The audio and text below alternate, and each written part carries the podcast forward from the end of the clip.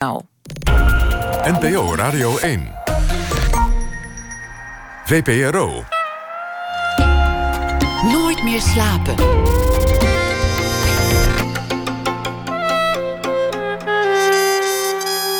Met Pieter van der Wielen.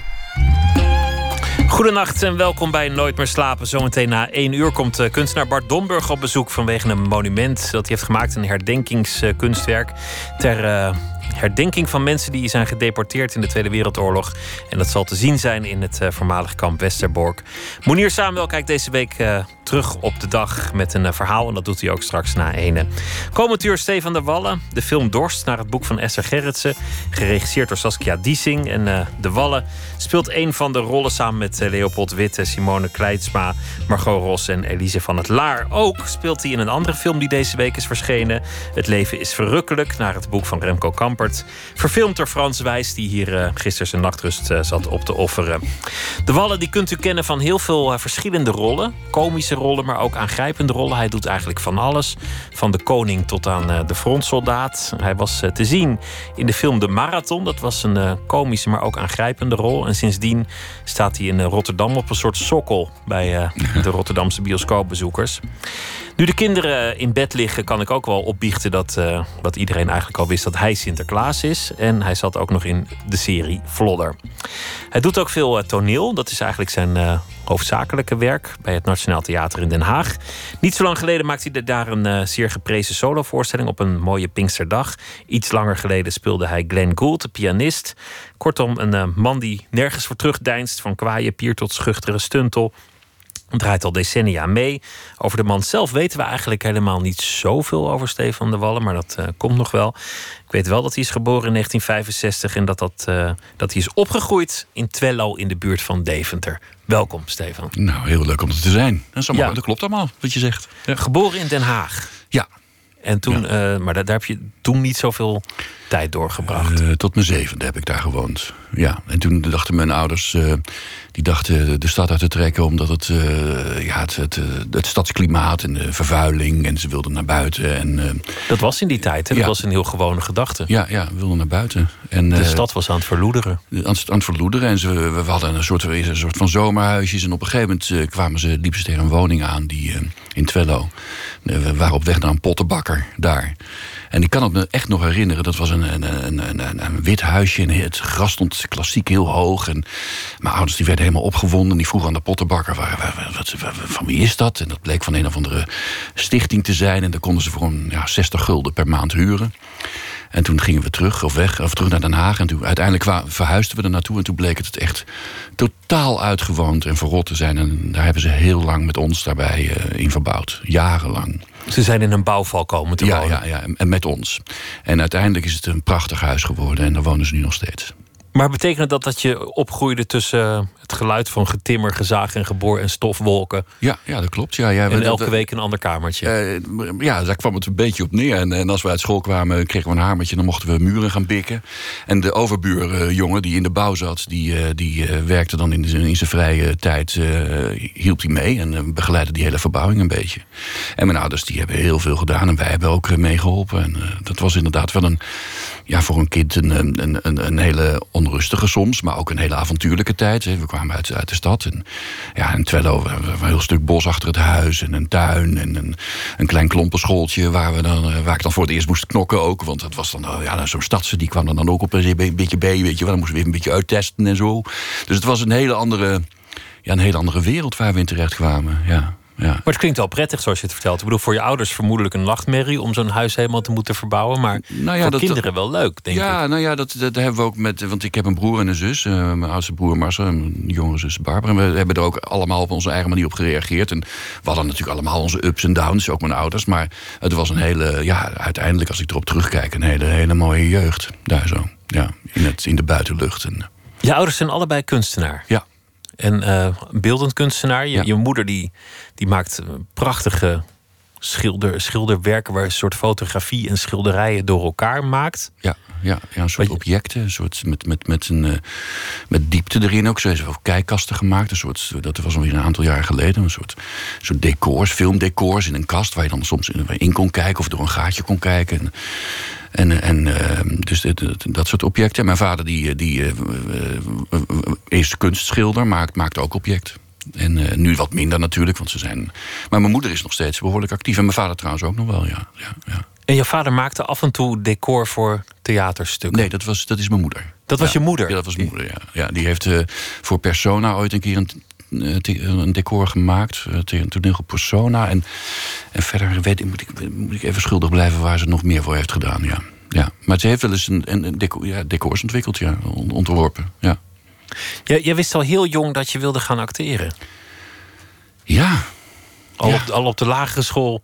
Ja, dat ging eigenlijk heel erg vanzelf. Ik weet niet eh, waar zoiets ontstaat, maar ik, ik, uh, ik, ik, wilde dat eigenlijk altijd al. Ja, en, het was ook niet zo dat we thuis een uh, vervent theaterbezoekers waren of zo. Er werd heel veel naar muziek geluisterd. En we, we gingen ook naar, naar openingen van, van, van tentoonstellingen en ook nog wel eens naar, naar musea en zo. Maar het theater was nog niet echt bij ons thuis een, een ding of zo. Maar ja, ik kan me echt, zolang ik me kan herinneren dat ik loste altijd ook problemen op met een beetje gek doen of zo. Of als mijn ouders boos waren of uh, er was iets anders. Dan, dan, dan gaf ik er een kwinkslag aan en dan vond iedereen het eigenlijk allemaal wel weer leuk. En dan, uh... Het was een soort strategie voor jou om, uh, ja, om jezelf ja, nou, staande te houden in de wereld. In de wereld, ja. ja. Het klinkt nu heel dramatisch, want ik heb het nogmaals een heel prima jeugd gehad. Maar de, ja, ik denk, ja, daar loste ik dingetjes mee op. Of ja, eh, ik werk als, als er dan een schilder ergens in de straat bezig was, dan ging ik ernaast staan met een, met een kwastje met sop of zo. Dat vond ik dan leuk. En dan ging ik denk net ik een schilder was. Dus dat ging allemaal, ging allemaal spelende wijze. Op de lagere school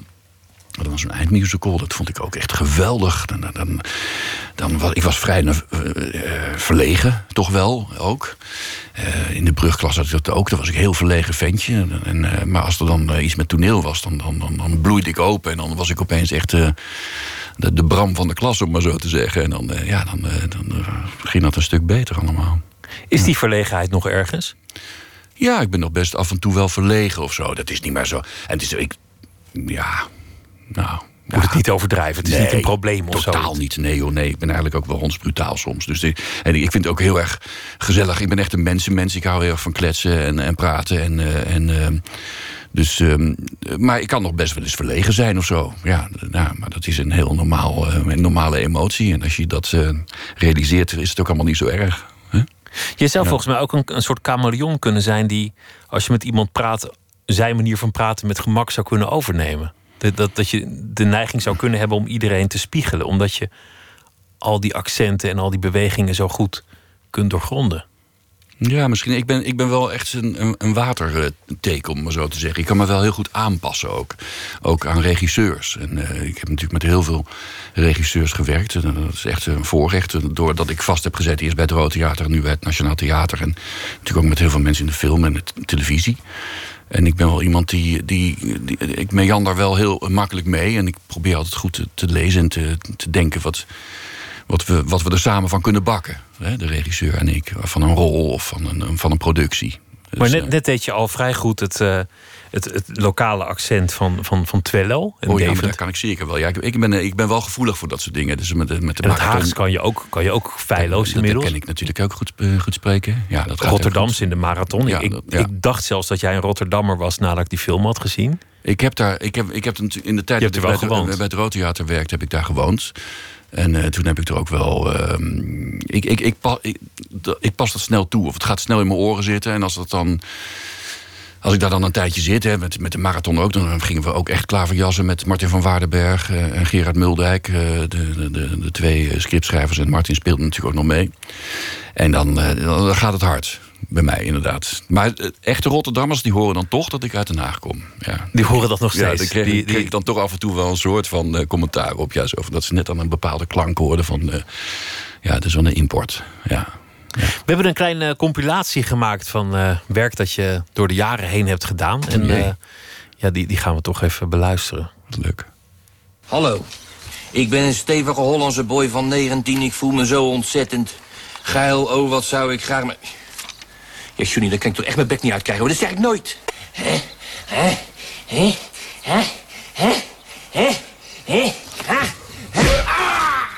Prachtig, Kees. Heel goed. Wat zeg je maar één keer? Dit soort dingen die ik net zei. Nou ja, jammer, dan heb ik het gemist. Ik ja, ik, heb het gemist. Dus, heb het gemist, hè? Ja. Ik ben ook totaal niet geïnteresseerd, dus ik ga ook geen drie keer raden. Zeg maar dat nou jeuken, wat je hebt gezegd. Ik ben blij dat ik het niet heb Goed, eh. gehoord. Maar denk nog eens heel goed na. Zit het in een schuitrommel van oude schoenendoos? Ja. Zoek met ballen. Godverdomme. Vroeger liep ik marathons. Kon er goed van leven. Wat voor bedragen ging dat dan? 6000 euro, soms 10. We willen 40.000 euro. We lopen alle vier die marathon en dan betaal je mijn belastingsschuld. Halen we het niet, dan is de garage voor jou. En, oh ja. Als je nog mensen kent die ook in het grote boek moeten... dan moet je dat straks nog maar even doorgeven. Dag hoor. Iets uit de vloer op was het volgens Ja, mij. de de, de, op. marathon, De marathon, Sinterklaas hoorde ik volgens mij. En, En, en- ja, en Vlodder. en Vlodder, ja. Ja, Ja, ja, ja, ja, ja. nee, natuurlijk. Ja. Je zat op de vrije school. En daar, dat, is, dat lijkt me een goede plek als je acteer plezier hebt om, om, eh, om te zijn. Want Ja, daar- zeker. Daar, wordt het natuurlijk veel gedaan. Jazeker, in de, in de negende en de twaalfde klas eh, heb je dan een soort vast moment dat er aan toneel wordt gedaan. En eh, wordt er echt een grote productie gemaakt.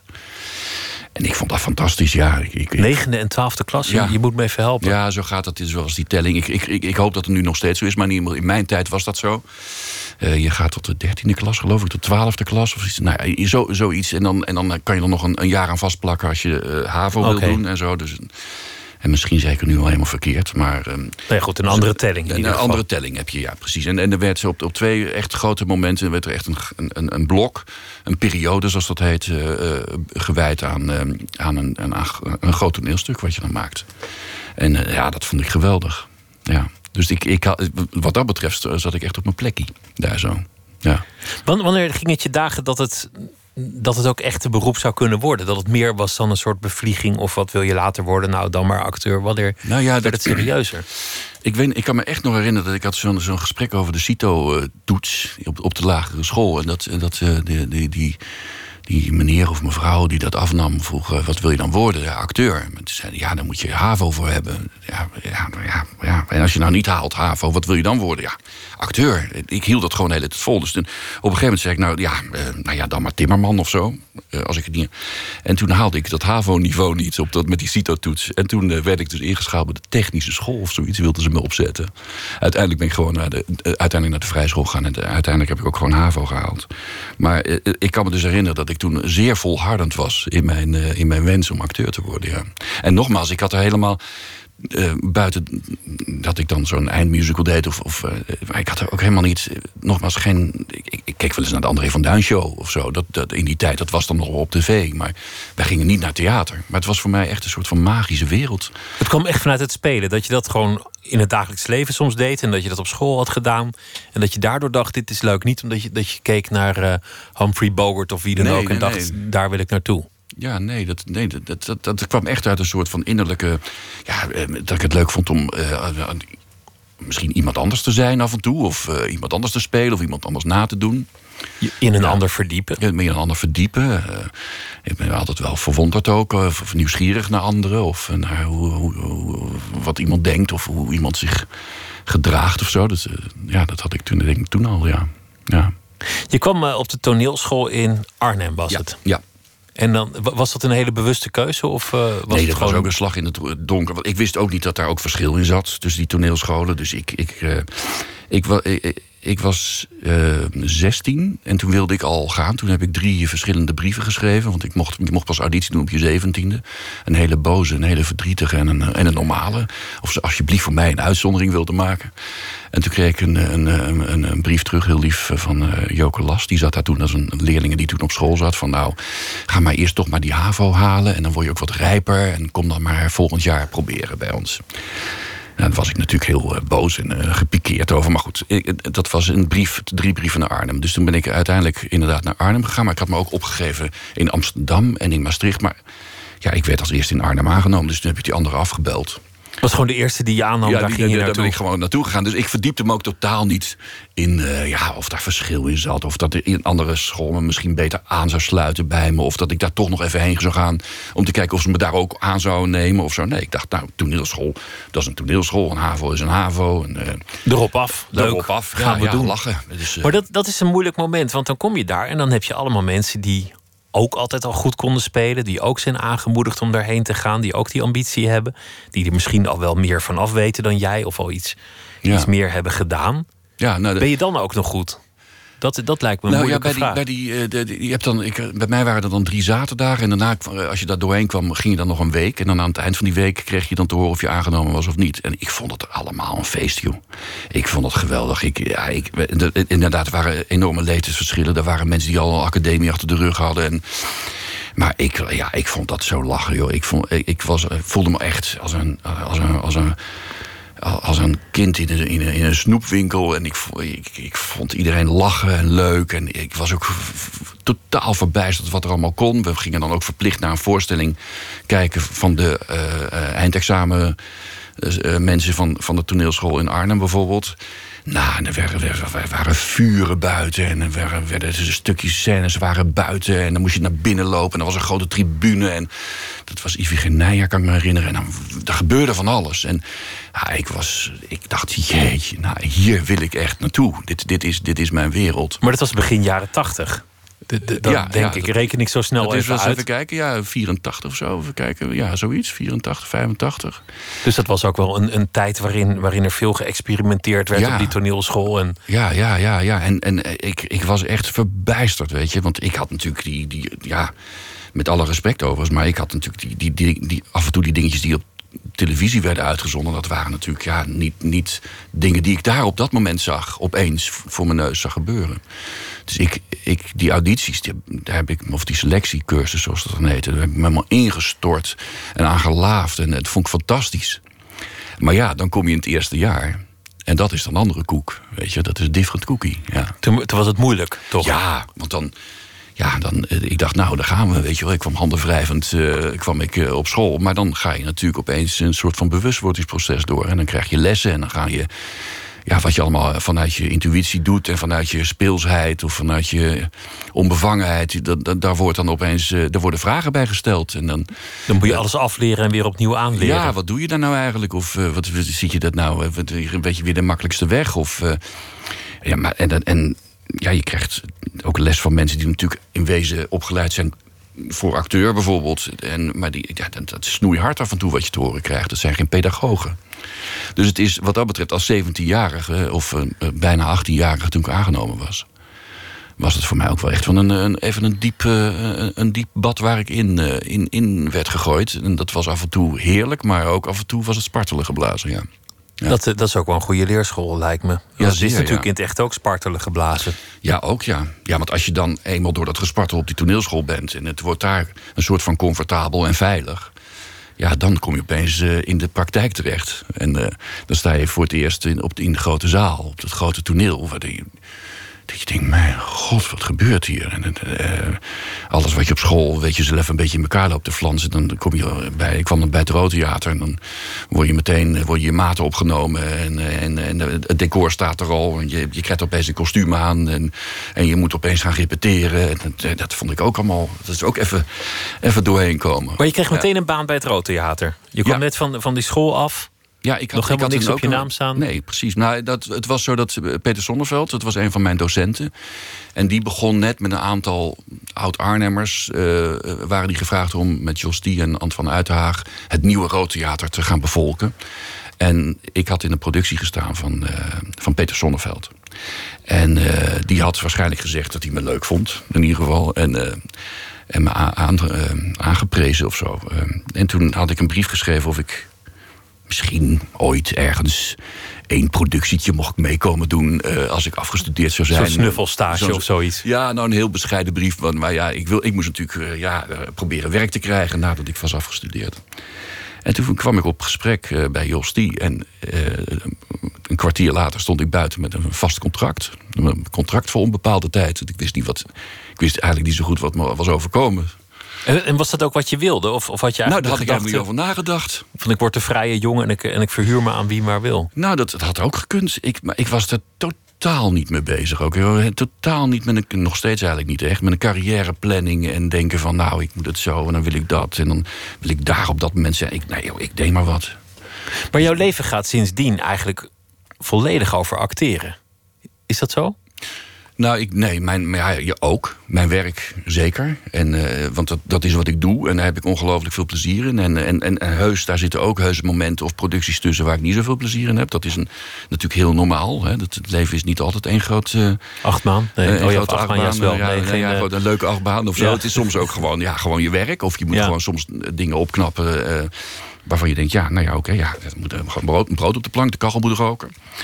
Ehm, maar ehm, ehm, ja, nee, eh, dat gaat dus over ja, mijn werk. Maar ik heb naast mijn werk, eh, ja, ik heb ook wel gewoon een, een leven. Ja, ik, het is niet zo dat ik ehm, eh, alleen maar bezig ben met toneel en ook niet als ik thuis ben. En alleen maar over toneel zit tegen mijn zoon zitten lullen of wat dan ook. Dat, dat, dat heb ik niet. Of, eh, Dat zouden je zoons ook niet pikken, vermoedelijk. Nee, maar we hebben het trouwens best wel vaak. Want mijn oudste zoon zit op toneelschool nu in Utrecht. Ja. We gaan luisteren naar een, een klein stuk van eh Glenn Gould... vanwege een voorstelling die je alweer een paar jaar terug hebt gemaakt... over Ja. de, de beroemde Canadese pianist.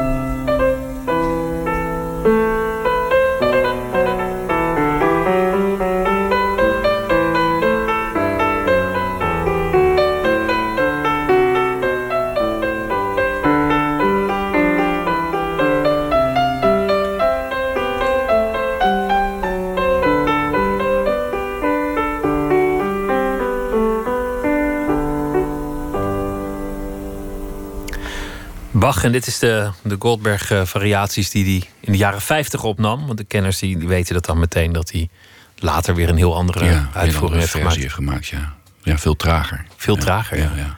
En jij, jij, jij speelde de rol van Gould. Jij speelt redelijk goed piano. Ja. Maar voor de, voor de voorstelling hadden jullie een, ja, een soort van pianola-achtige constructie tot stand gebracht. Ja, ja, er was een, eh, een hele mooie, slimme vleugel. En eh, onze componist die, eh, die, eh, die heeft dat helemaal geprogrammeerd zoals, zoals Gould dat ook speelde. En die vleugel deed zijn werk. Ik, ik speelde ook zelf wat stukjes. Maar de grote stukken werden natuurlijk door de vleugel opgeknapt. En ik denk dat er nu een heleboel mensen, als ze dit luisteren, denken... maar wat een oplichter. Want die geloofde echt heel vaak dat, dat ik dat zelf deed, ja. Inclusief een recensent in de krant, ik weet niet meer welke krant, Ja. die, die schreef dat, dat jij een, een, een formidabel concertpianist was en dat er een groot Ja. muzikus aan je verloren was gegaan. Ja, we, we hebben daar ook echt wel over zitten tobben. Want het, het, het gebeurde eigenlijk. Het begon eigenlijk met een, een journalist die inderdaad een soort voorverhaal zou ha- maken daarover. En die zat eh, in de zaal. En, en we hadden daar eigenlijk ook nog helemaal niet over nagedacht, precies hoe we dat zouden doen. En, maar die vleugel stond daar en er lagen snoeren uit. En er stond een laptop op, eh, zoiets. En nou, het was totaal overduidelijk dat, tenminste voor mij, dat dat. Dat, eh, ja, dat stond in al, in, was gewoon helder. Weet je. En toen kwam dat stukje. eh, en er stond in, inderdaad iets dergelijks van. Ja, Steven de Wallen, een magistrale pianist. En toen dachten we, moeten we hier nou mee? Moeten we het nou z- zeggen, maar wa- wacht even, moeten we dit gaan rectificeren? Toen zei Frans Marijnen, de regisseur, die zei: nee, nee, nee. Dat, de goochelaar die gaat ook zijn goocheltruc niet eh, prijsgeven. Hè? Dus, dus we hebben toen eigenlijk elke keer, eh, als daar vragen over kwamen, een beetje in het midden gelaten. Ja, toen zei ik, ja, ik speel ook zelf. Hè, dat was ook zo, want ik deed ook wat stukjes zelf. Maar we lieten dan in het midden van ja, wat en hoeveel. En als er verder niet naar gevraagd werd, dan waren we een beetje opgelucht. Maar er stonden ook mensen na afloop echt heel emotioneel of, of ja, die vond het zo fantastisch, die voorstelling. Het was ook echt een hele mooie voorstelling geworden. En, eh, en die geloofden er helemaal in. Die waren helemaal in die figuur gaan geloven en die gebeurtenis. En die waren helemaal meegegaan met het verhaal. En om, om dan op dat moment te gaan zeggen: ja, maar wa- wacht even, ik, ik, eh, dat is. Speelt hij wel echt? Dat is niet. Maar dat is de kracht van acteren. Dat, dat Ja. jij dat zo goed uitbeeldt en dat verhaal, dat mensen het ook willen geloven. Ja, want mijn buurman, eh Ad Tissink, die druk ik maar even bij. Mijn buurman, die wist dat het een geprepareerde vleugel was. Maar die kwam de volgende dag naar me toe. Die zei, ja, nee, Stefan, dan moet je niet zeuren. Ja, dat speelde je zelf. Ik zei, nee, maar Ad, echt niet. Het is echt, dat, dat is niet zo. Ja, nee, nee, dat speel je zelf. Dat speel je zelf. Je moet niet, eh, niet bescheiden doen, niet onzin. Dus die, die geloofde dat echt. En hij had natuurlijk ook wel... Omdat ik inderdaad redelijk piano kon spelen. Ik, ik heb het natuurlijk de laatste tijd veel, veel te weinig aan. Maar kon ik dat natuurlijk ook heel goed eh, eh, meespelen, om maar zo te zeggen. Maar de vleugel deed zijn werk. Ja. Die voorstelling was voor jou bijzonder omdat je een, een groot bewonderaar van Gould Ja. bent. Dat, dat, dat is natuurlijk één ding. Dan, dan maak je dat met meer zorg. Ja. Maar het is ook het soort personage dat, dat jou ligt. Een man die aan de ene kant een, een grote passie en een groot talent heeft. En tegelijk ook een enorme worsteling. Ja. Plankenkoorts, angst Ja. of hij het kan waarmaken. Ja. Ja. ja, angsten, woede, alles, alles zat in die man. Al die lagen. Ja, nou ja, maar dat is natuurlijk, dat is natuurlijk met alle personages, als, als, als dat allemaal maar deugt, ja, dat is doodsaai. Als alles goed gaat, is het geen leuk personage. Ja, dat is een personage van de marathon ook. Dat is een groot innerlijk gevecht wat er in die Stoïcijnse Rotterdamse kop gebeurt. Met, ja, wat ga- gaat hij over die ziekte praten? Gaat hij dat prijsgeven of gaat hij de boel redden? Een man dat- heeft geld nodig, organiseert een marathon. Hij is een garagehouder. Hij weet dat hij terminaal ziek is, maar vertelt dat niet aan zijn vrienden. Ja, hij En- gaat en- eh, een soort van weddenschap aan om, om, om eh, geld te krijgen... om, zijn, om de belastingsschuld te betalen en de garage te redden. En, en, en daar gebeurt natuurlijk ook van alles in dat hoofd. Hè? En, en, dat, en, en Gould, net wat je zegt... ja, dat is zo'n fascinerend figuur. En, en, eh, dat, dat, om daarover te lezen, die man had er over allemaal angsten, eh, fobieën, wezenloos veel medicijnen slikte die. Ehm, en eh, uiteindelijk koos hij ervoor om eh, ja, te stoppen met, eh, met die grote recitals. Omdat hij zei, ja, maar daar wordt er van alles van me verwacht. Wat ik op dat moment, waar ik op dat moment misschien niet aan toe ben, of wat ik niet voel. Of, eh, de, en, eh, en, en toen is hij de, de studio, heeft hij eigenlijk alleen maar in studio-opnames gemaakt uiteindelijk. Hij is eigenlijk gered door, door de studio dat hij platen kon maken dat- die dat mensen konden horen. Ja, dat die opnames konden. Ja. Dat, was, dat was voor hem een, een redding. En dat, daar kon hij zich in zijn studio begraven en, eh, en maken wat hij echt, waar hij achter stond.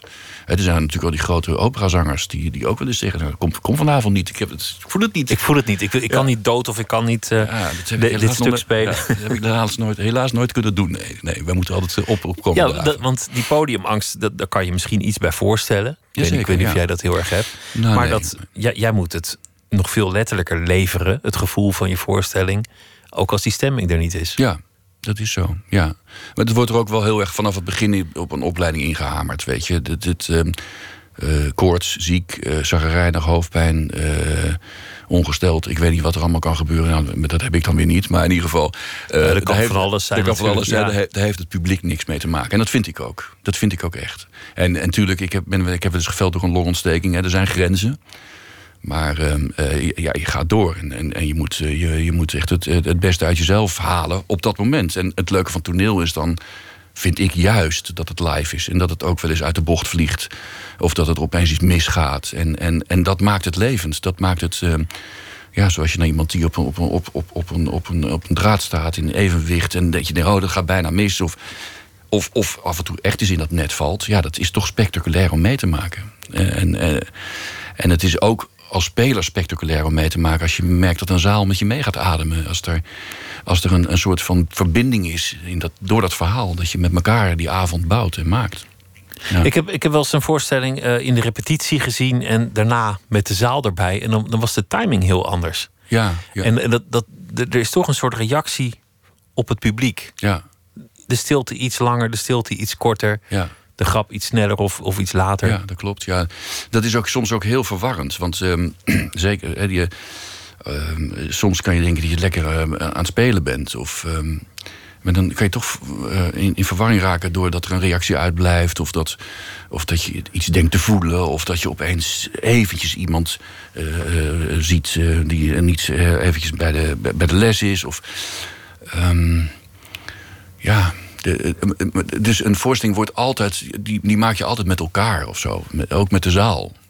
En, eh, en, en, en dat, is, dat is ook wel heel fascinerend. Hoe dat, eh, hoe dat soms eh, tot een enorme innerlijke strijd eh, eh, leidt van, bij acteurs of zo. Dat, dat het een echt gevecht kan worden of zo. Om die avond, eh, om die avond er doorheen te krijgen. Of, of om die aandacht te krijgen. Om het publiek eh, wakker te ja, krijgen. of- Of, terwijl eh, die mensen het misschien wel prachtig vinden of zo. Maar weet je, als er maar een gevecht is, als er maar, ehm, als er maar brand is in je, om, op, op, op een bepaalde manier. Als, er, als je iets, je moet iets geven, er moet iets geleverd worden. Je kan niet hè, iemand een beetje balletje hoog zien houden, eh, dat is saai. Hè? Eh, dat is niet leuk. Het is leuk als iemand, als er creativiteit en, en gevecht is. Als, er, als iemand zich een beetje opbrandt op zo'n avond. En dat is, dat is dan een cadeau. Hè? Als ik me een beetje voor jou aan het opbranden ben daar ja, dan, dan, dan is iets wat ik je geef. En, dat, en, dat, en als, als het publiek dat neemt, dan krijg je ook weer iets terug. Dat is, eh, Het gekke bij, bij een, van een baan, zoals je nu bij het Nationaal Theater hebt en daarvoor bij het Rood Theater, is het dat je het niet helemaal voor het zeggen hebt. Dus je, jij krijgt allerhande rollen.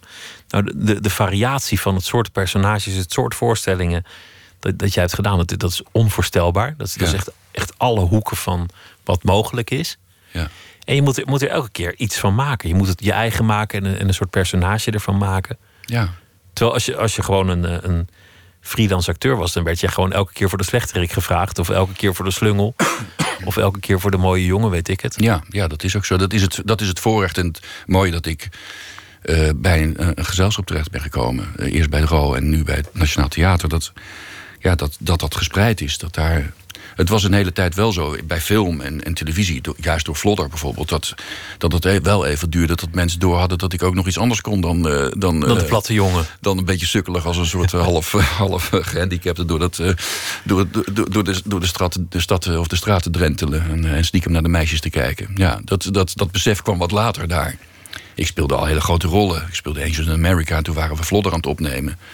Ja, en dat, ja, voordat het doordrong tot, tot televisie en de film, dat, dat, dat ik ook wat anders kon, dat, dat heeft even geduurd. Want degene die die rol voor jou deed in, in, eh, in, in de film Vlodder, de oorspronkelijke René van het Hof, Ja. die wordt volgens mij nog steeds nageroepen. Ja, joh, maar ik heb dat ook wel eens hoor. Ja, nog Dat- steeds van joh, Vlodder. Ja, wat was het? eh, Twee of drie jaar geleden stond ik eh, bij een benzinepomp om zes uur 's ochtends. Een benzinepomp in Parijs met een pet op en een zonnebril en een baard. En toen riep iemand, Kees! Nou, ik dacht, hoe kan het, weet je wel? Hoe is het Ja, mogelijk? Hoe is het mogelijk?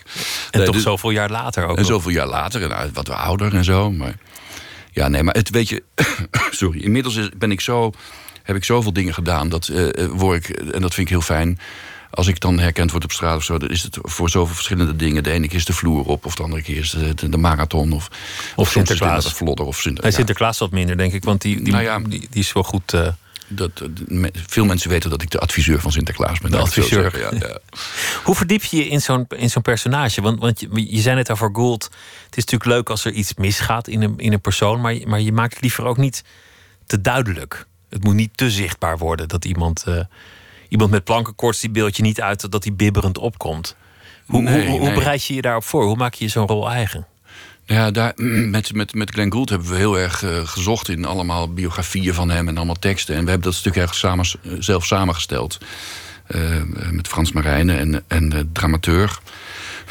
en ehm, ja, we hebben hem eigenlijk in een soort van setting gezet. Dat je, de ene keer kon je denken dat het een, een, een concert was. Of en de andere keer was het juist een soort van privéplek. Het was eigenlijk zijn woonkamer.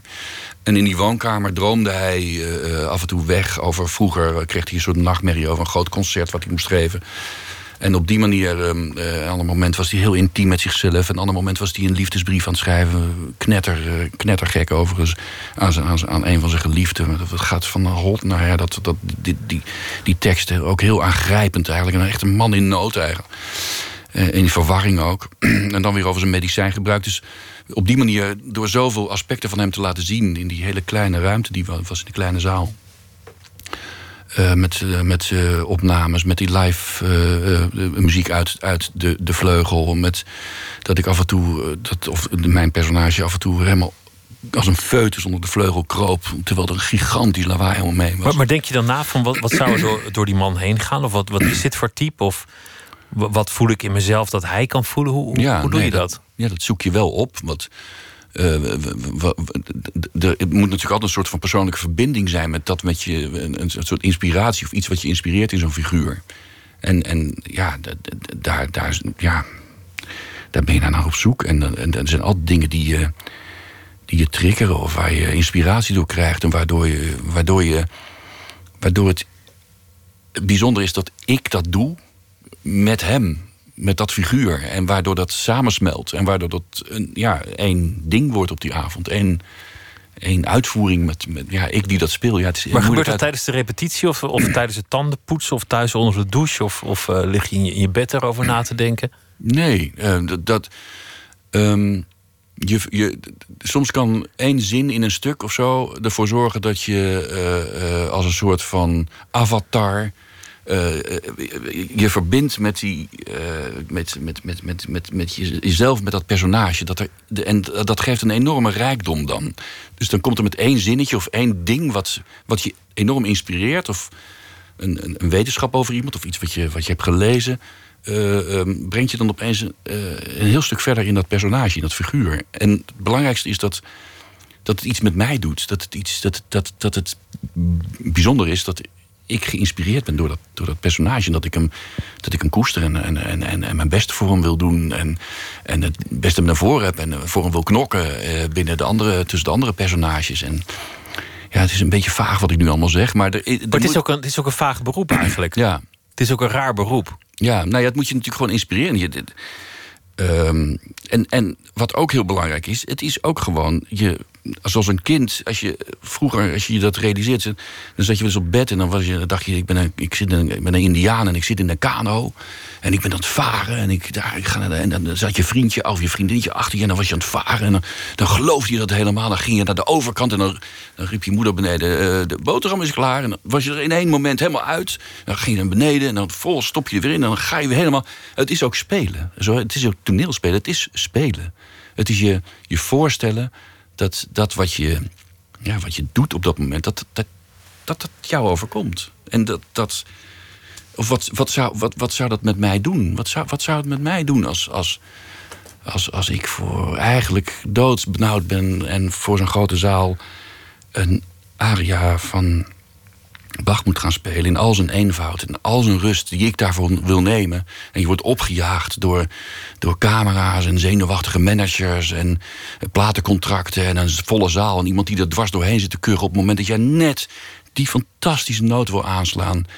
Weet je, wat gaat er door iemand heen die zo gevoelig is, die zo perfectionistisch Maar is? zoals je het nu vertelt, Ja. zitten er al zoveel lagen in. Iemand die, die het een doet omdat hij het ander voelt. En, en het, het is niet eendimensionaal. Nee, absoluut niet. En dat vind ik vaak bij jouw rollen. Vind ik dat, dat, dat iemand fysiek rustig is terwijl je ziet dat hij het niet is. Dat, dat, je, je ziet dat wat er binnen in die man gebeurt iets anders is dan wat hij probeert uit te dragen. Ja. En, Ja. en, en dat, dat fascineert me. Dat het grappig is en tegelijk wrang en al dat soort dingen door elkaar. De, de, de voorstelling op een, op een mooie Pinkstermiddag. Op een mooie Pinksterdag. Op een mooie Pinksterdag. Ja. Dat ging over een man die, die een kind was kwijtgeraakt. Ja. Die, die een, een vreselijk bestaan had, maar die in, in het wandelen en in, in de kleine dingen, het geluid van de vogels, eigenlijk weer hoop vond. Ja. Die, die weer een soort, soort, soort baken zag van. eh, Ja, ja die, het was een soort eh, eh, toevallige ontmoeting met het, met het publiek, om maar zo te zeggen. Ik, ik, eh, ik, ik, ik was aan het rennen en die man had, had zijn troost, vond hij in, in het rennen, in de natuur. legde zijn rugzakje op een boomstam. En, ja, hij legde zijn rugzakje neer en had een flesje water bij zich en begon eigenlijk gewoon te praten. zijn, eh, sorry, een beetje verkouden. Zijn, eh, zijn verhaal te doen. En, eh, en dat, dat, dat waren hele eh, bijzondere avonden. Want de, dat grootste opdracht daarin was voor mij, omdat het ook een heel heftig en gevoelig onderwerp was. Met, omdat er ook vaak mensen in de zaal zaten die, hetzelfde, die dat hadden meegemaakt. Een kind verliezen. Nou, dat, iets gruwelijkers kan je gewoon niet overkomen. Dus daar, daar, daar voelde ik ook een grote verantwoordelijkheid voor. En, en voor mij was daar het allerbelangrijkste dat ik niet wilde spelen. eh, op een verkeerde manier. Dat ik niet wilde, het niet wilde balletje hoog houden, maar dat ik daar voor hun wilde zijn. En dat verhaal ook echt op dat moment wilde vertellen. Dus dan moet je ook dieper in jezelf graven. Dan moet je ook in jezelf lagen eh, tevoorschijn toveren. Ja, ja, in ieder geval de rust nemen om, om, om de mensen naar je toe te laten komen. En eh, dat met jou te bele- laten beleven. En, eh, en daar soms ook op te wachten. Op, op, op, dus niks te forceren. Ik had niet. Hè, dit was af en toe heel emotioneel, maar ik, had, ik, ik ging nooit duwen op van. Ah, wat moet ik op dit moment altijd heel erg hard huilen. En Want als je dat gaat doen, dan ga je de volgende avond ga je dat huilen spelen. Dan wordt het smieren eigenlijk. Ja. En het moet ook niet. Kijk, het is ook geen vage psychedelische, psych, uh, psychiatrische toestand, hè, dat spelen. Het is ook als ik dan klaar ben. Dan pak je een biertje in de foyer en dan ben je. Ja, weer, ja. en dat is bij de ene voorstelling ben je wat makkelijker los dan de ander. Maar ik bedoel, het is geen. Ik ben niet in een soort van rare waas. En uh, Stefan is even weg geweest. En, uh, en hij komt weer uit zijn, uit zijn verbeelding of zo gestapt. Het is ook. Het, het, het, het blijft altijd wel dat je dat. Zoals Carol Linzen, een docent van mij op het toneel, zal zei: Kijk, Stefan, emoties, hè? Emoties, dat is een groot wit paard. Hè? Maar je moet het in toom houden. Hè? Het is altijd, je moet natuurlijk altijd de teugels. Hè? Je, bent, je bent toch de poppenspeler. Maar, maar, maar sterfelijkheid is wel een, een, een thema in jouw leven. Je, je bent een goede vriend verloren toen je, toen je relatief jong was. En een collega ben je verloren. Je bedoelt Koen? Koen ja, ja, zeker. Koning. Ja, ja, nee, zeker. Ja. En dat, dat heeft jou toen enorm geraakt? Enorm, ja. ja. Dat, hij stierf naast me. Ja, in, in, dat, in dat rare pakkie. Ja. We hadden alle twee ons rare uh, aan. Ja. ja, dat is verschrikkelijk om dat mee te maken. En, maar dat, dat realiseer je op dat, op dat moment niet eens in zijn volle grootte, zijn volle breedte. Dat, um, dat komt pas later. Ja, dan merk je later pas hoe, wat een impact dat op je heeft. En, uh, ja, en, en um, hoe, ja, hoe vreemd dat is om mee te maken als iemand. Um, uh, ja, dat het, een, een, dat het leven echt een, een, een, in een vingerknip. Het, een vingerknip tussen leven en dood is eigenlijk. Dat het eigenlijk helemaal niet zo robuust is allemaal. Dat het zomaar weg Ja. kan zijn. Dat is wel ja, heel bizar ja, om mee te maken. Ja. Hoe heeft dat, als je, als je daar nu op terugkijkt, hoe heeft je dat dan veranderd? Nou ja, ik weet niet of het me zo. Dat kan ik niet direct zeggen. Ik kan niet zeggen dat het me nou. Was je angstig voor je eigen dood bijvoorbeeld? Of ben je Nou, ik, heb anders gaan ik leven? heb wel eens een tijdje. Een tijdje eh, dat, je gaat dan eerst denken van. eh, ik nog wat ik daar toen. Het was net gebeurd. En zag ik de enorme sterrenhemel. Dat gewelf zag ik boven me. Boven me eh, eh, daar ergens in Almere stond ik op, op, onder de sterren. En ik dacht, weet je, Steve, pluk de dag. En weet je, wat, allemaal van die clichés kwamen toen, kwamen toen eigenlijk boven. Die ook hartstikke waar zijn trouwens. Maar je, ik heb ook wel momenten gehad dat ik...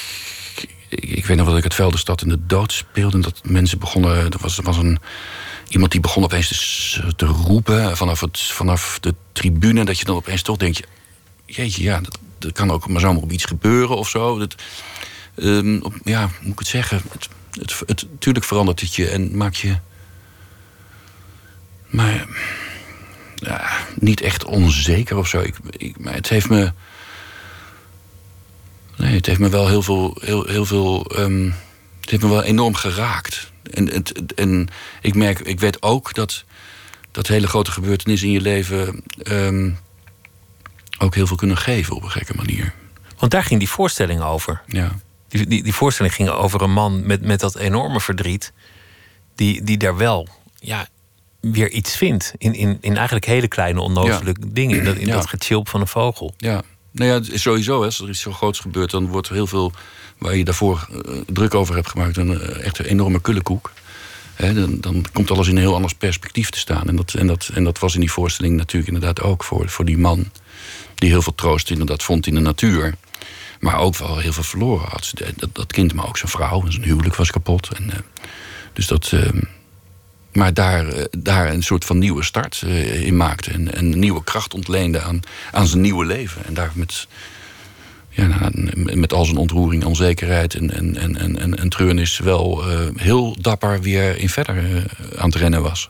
Ja, Je bent ook weer alleen, toch, nu?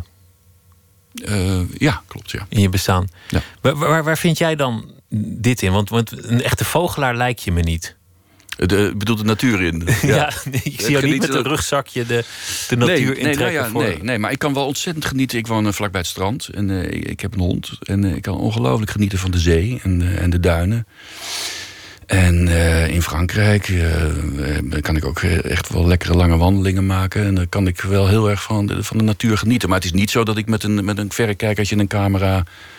De, de, de natuur intrek om, eh, om naar eh, de bonte specht eh, te zoeken of zo. Nee, Dat dan weer niet. dat dan weer niet. Maar cultuur kan, kan, kan die rol natuurlijk ook spelen.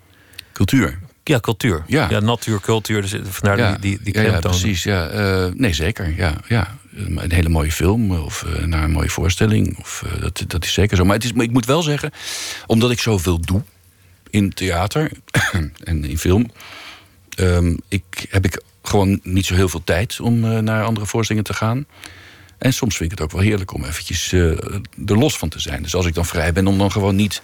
In Niet nog een keer in de Schouwburg ja, te gaan nog een keer in de Schouwburg te gaan zitten... maar gewoon eh, eens lekker ehm, op de bank of lekker in het café of zo. ja. We moeten het ook nog over, over de film hebben. Voor, voor, Ja, voor die helemaal ja. overslaan. Want daar, daarvoor Jeetje. ben je tenslotte hier gekomen. Inderdaad, ja, we zijn De- enorm aan het kletsen, ja. De, de, de film Dorst is een, is Ja. een, een lekker wrange komische film. Is het geworden. Ja, ik, ik vind een, ik, ik, het is al een tijdje geleden dat ik hem gezien heb. eh, want ehm, Want die is, die is natuurlijk alweer twee jaar geleden gedraaid. ja, na een, een, een, een dik jaar, ja, anderhalf of zo. Was fantastisch met Saskia Liesing om te draaien. Echt. En, en de hele groep. Er was een, een ongelooflijke fijne sfeer op, op, op, de, op de set. Ik kreeg ook toen ik de eerste keer kwam aan op de set, kwam, ik kreeg ik een, van Saskia een tasje met eh, eh, zijn favoriete muziek van mijn figuur. Een geheim, eh, een favoriete boek. En ja, dat was echt geweldig. Dus, en het samenwerken met Simone Kleinsma en Elise Haar. Dat was allemaal, mm, sorry, superleuk. Dus ehm, ik heb daar enorm van genoten. En die film is ook heel erg... eh, ja, ik vind, ben heel trots op die film. Ja. Het, Het is, het is ook weer precies een soort rol dat jou ligt. Een man, een man die, ja, die, die, die stuntelig is, die probeert eraan te ontkomen, die, die eigenlijk niet heel veel zegt. Het is niet een, niet een rol die helemaal aan elkaar hangt van de, van, van de tekst. Maar hij, je, je ziet gewoon aan die man zijn worsteling en dat hij één keer in zijn leven onvoorstelbaar is bedonderd. Want, want zijn ex-vrouw heeft het kindje met anderhalf jaar opgesloten in de Ja. kamer. Gewoon deur op slot. Ik ga Ja. even wat anders doen. ja. En, en dit, dat huwelijk is stuk gelopen. Die, die dochter is inmiddels volwassen. En het zit die man nog steeds dwars. Dat dat is gebeurd. Ja, er zit een hele geschiedenis in dat echtpaar. Dat van een soort losgeslagen echtpaar was. En hij, hij heeft een, een zaak en eh, ontmoet een nieuwe vrouw. En, eh, die, die hem structuur geeft. En, en want er zijn ex, eh, ehm, Simone Kleinsma, dan die, die inderdaad het kind enorm verwaarloost. Daar heeft hij ook een heel rare geschiedenis mee. Ehm, dat zie je dan in de film niet zo. Er wordt alleen over gesproken. In het boek is dat wel zo. En, eh, en ehm, eh, hoe heet het? ehm, dus hij heeft een heel gestructureerd leven gekregen. En dan besluit die dochter. eh, die hoort dat de moeder ziek is en die besluit om bij die moeder in te trekken. En daardoor komt hij weer veel meer in contact met zijn ex. En, ja, en het is een man die door zijn huidige partner, om maar zo te zeggen, en, en zijn ex daar. daar, daar eh, eh, eh, het is voor hem heel moeilijk om, om, om- een soort van door, doortastend te zijn en een keuze te maken. En, en, ehm, Hij komt ook tussen twee vuren Ja, te liggen. enorm. Tussen zijn, zijn ex-vrouw en zijn huidige vrouw. En dat is natuurlijk, daar ontstaat ook vrevel. En, en hij, hij wordt ook een beetje sentimenteel verscheurd tussen de twee vrouwen. ja, ja toch zeker. nog? Ja, ja. Margot Ros doet dat ook fantastisch. Dat, mijn, dat, die speelt dan mijn huidige vrouw. Nee, en dat, ja, het, is, het, het, het is een film met allemaal eenzame mensen. En, eh, en het is, ik vind het ook heel erg goede cast. Het is niet een, een voor de hand liggende cast of zo. Dat je denkt, nou, eh, hè, wat je dan vaak, eh, wat, wat, wat, wat vaker. Het zijn allemaal mensen die goed comedie kunnen spelen. Maar dat, dat, wordt, dat, dat wordt er niet gedaan. Dat wordt, het is allemaal echt heel serieus. Maar, daar, maar je, je wordt er wel zenuwachtig van, van die film, op een goede manier. En daar zit weer een enorme humor in. Ja, ja, ja. Het is niet, niet humor van de lachband, maar het, heeft iets enorm geestigs. geestig en, en, en iets ongelooflijk treurigs, vind ik. Met, met die, ja, die, die eenzaamheid van al die figuren. Die, die, die proberen te zoeken naar elkaar. Die bezoek, proberen te zoeken naar wat, wat bindt ons. Maar dat, dat wil maar niet lukken. Ja. Een eh, Leopold Witte die een, eh, een te jonge vriendin krijgt en, en daar vanaf wil, omdat het, dat het hem eigenlijk niks geeft en dat Ja. niet lukt om dat goed uit te maken. Ja. Dat is. eh, Ja, het is echt meesterlijk, vind ik. En de echte, ik, ik, ja, ik was heel trots toen, toen ik hem zag. Echt heel trots dat ik, er, dat ik erin zit. Ja. Nog een première deze week. Het leven is verrukkelijk. Ja. Gisteren was Frans Wijs hier. Toen hebben we het ook al uitgebreid over die film gehad. Jouw personage is, lijkt het dan aanvankelijk gewoon een zwerver te zijn. Ja. Nu komt er een spoiler, maar daarmee is de hele film nog lang niet gespoild. Dus dat, dat kan gewoon. Wie hem toch wil vermijden, moet even de vingers in de oren stoppen. Het blijkt later een, een literair personage dat tot leven is gekomen te zijn. Ja. En krijgt ook nog een romance zelfs. Ja, een romance die al. Die al die, het, is, het gaat over Kees de Jonge. En dan, hij, heeft een, eh, eh, hij ontmoet eigenlijk zijn, zijn oude liefde daar in dat, in dat park. Zonder dat ze dat. Ze worden door de jonge mensen eigenlijk weer bij elkaar gebracht in de film. En. eh, eh, dus ik, ben, ik speel een oude zwerver en Willeke van Ammeroy speelt dan eh, de, de vrouw van de retirade. En, eh, en de- dat zijn jeugdliefdes van elkaar. Die worden eigenlijk door de, door de, door de jeugd, door de drie hoofdrolspelers, komen ze weer bij elkaar. ja. Dus- Frans, Frans Wijs zei gisteren, de, de regisseur, dat het een film is voor hem over jeugd, maar wel gemaakt door iemand die weet hoe jeugd verder gaat wanneer je oud wordt. Ja, ja. En volgens mij zit dat venster in, in jouw rol Ja. gevangen. Ja, ja, ja, ja. De, de jeugd die voorbij is gegaan. Ja, ja, tijd gaat voorbij, ja, zoals de oude Dylan Thomas zegt. Ja. Ja, Tijd gaat voorbij. Ja. tijd gaat voorbij. Ja, het is, was fantastisch om met Frans te werken. En ook daar was het ook weer fantastisch op te, op te zetten met de, met de collega's. Dus ik ben echt bevoorrecht geweest het afgelopen jaar met zoveel mooie projecten. Want eh, zo in het Vondelpark. En ik had een ben totaal getransformeerd daar weer in iets heel anders. Een, een grote Hagrid-achtige zwerver. Gigantisch, lijkt wel zo'n tovenaar uit, uit eh, hoe het, eh, Harry Potter. Zo- Zo'n enorme, imposante figuur is het. En ehm, het was fantastisch om met dan die ja, toch wat kleinere Frans wijs... die dan zo echt zo naar me boven stond te kijken... mij aanwijzingen stond te geven. En met iedereen wilde knuffelen. En, en, en, en eh, zo bevlogen en betrokken bij, bij, het hele project. En, en zo eh, vol tomeloze energie. Dat, dat was echt eh, fantastisch om mee te maken. Ja. Ik vind het ook een wonder hoe je het doet. Want, want nu heb je twee films uit. En er, er komt nog een tv-serie die Ja. is al gedraaid. Ja. En dan, dan ben je ook nog bij het, eh, Nationaal Theater... waar ik je nou, de revisor onlangs nog zag. Een jaar geleden alweer, geloof ik. Nou, die hebben we laatst nog gespeeld. Bij en laatste, kerst, ook, laatste ook weer. En hoe je dat dan weet te combineren. Hoe, jij, die, hoe jij die agenda intact houdt. Dat, dat, dat is mij echt een totaal raadsel. Nou, daar heb ik gelukkig een hele goede agent die dat voor me, die dat voor me doet. Die dat voor me bijhoudt. Maar, ehm, en dan inderdaad mijn adviseurschap eh, van Sinterklaas wat er dan nog, eh, Oh ja, dat er was nog er ook weer doorheen. nog, en, ja. en de vloer op. Nee, het is af en toe inderdaad wel heel, heel druk en heel veel. Maar het zijn zulke leuke dingen. Ja. Het lijkt bijna een handicap dat het allemaal zo leuk is. Omdat je dan ook niet zo snel zegt... nou ja, laat ik deze even overslaan. Ja, dat vind ik ook soms heel erg moeilijk. En soms vind ik het ook heel moeilijk om dingen, dat, dingen, dat ik dingen moet overslaan. Omdat, eh, omdat eh, laatst was het ook iets, een heel mooi project. En daar moet dan gewoon agenda technisch nee tegen zeggen. En dat vind ik dan echt wel heel erg jammer. Maar goed, ik, ik vind het ook belangrijk dat er tijd overblijft voor de, voor, voor, voor de zoons. En voor de hond en zo. Dus dat is ook nog, eh, dat is ook nog wel zo. En dat is er ook hoor. Dus Tijd voor zoon en hond. Ja, Ja. ja. Ja, En voor andere leuke dingen natuurlijk. Eh, maar dat andere, dat televisieproject Export Baby was ook fantastisch om te doen. Dat, Ja, want Rivka Lodijsen, Ja. die, die, die vertelde daar weer over. Ja, alles, alles in elkaar op de een of andere manier. Ja. Dat is een, een serie over een, een adoptieverhaal dat heel anders in elkaar blijkt te zitten. Ja, dat is een serie over, over, eigenlijk over, over het probleem van kinderhandel. En dus het gaat over een, een, een echtpaar wat eh, met name de, de vrouw een ongelofelijke kinderwensen heeft. En, en hij wil, eh, wil er wel mee, wil eraan meewerken, werkt eraan mee. En ze hebben al een jarenlange worsteling. En uiteindelijk kiezen ze voor een adoptie. En, eh, en daar blijkt dus inderdaad iets grondig fout te zijn gegaan. En, en we zijn daarvoor naar Oeganda geweest. We hebben gedraaid. En Rita Horst, de regisseuse, heeft, die ook eigenlijk wel ja, voor een groot deel verantwoordelijk is voor het script, heeft echt. Ja, dat was ook, ook weer zo'n bijzonder mens om mee te werken. Zo, net als Saskia en net als Frans, zo bevlogen en zo knetterhard willen gaan voor, voor dat wat ze wil zien en wat, wat we willen vertellen. Met ons samen, overigens. En ehm, in al die drie projecten, wat zo belangrijk en bijzonder was, was dat er tijd voor was. Dat er tijd voor werd genomen. Dat ondanks Export Baby in, in gigantische korte tijd en periode is opgenomen, was het toch het besef bij ons allemaal dat we, dat we wel moesten zoeken naar die essentie van die scène. Dat, het, dat we moesten proberen echt eh, niks te verspillen. Niks, niks, ni- niks laten. Niks even wegspelen, niks van, even oh, we hebben wegspelen. Oh, we moeten, nee, hebben. Weet je wat? En soms gebeurt het dan wel voor je, voor je gevoel. Maar ik heb de serie nu teruggezien. En ik, ik ben er ook daar. Ja, het klinkt zo, zo ijdel. Dat bedoel ik echt niet zo. Maar vind ik ook echt heel bijzonder dat ik daar.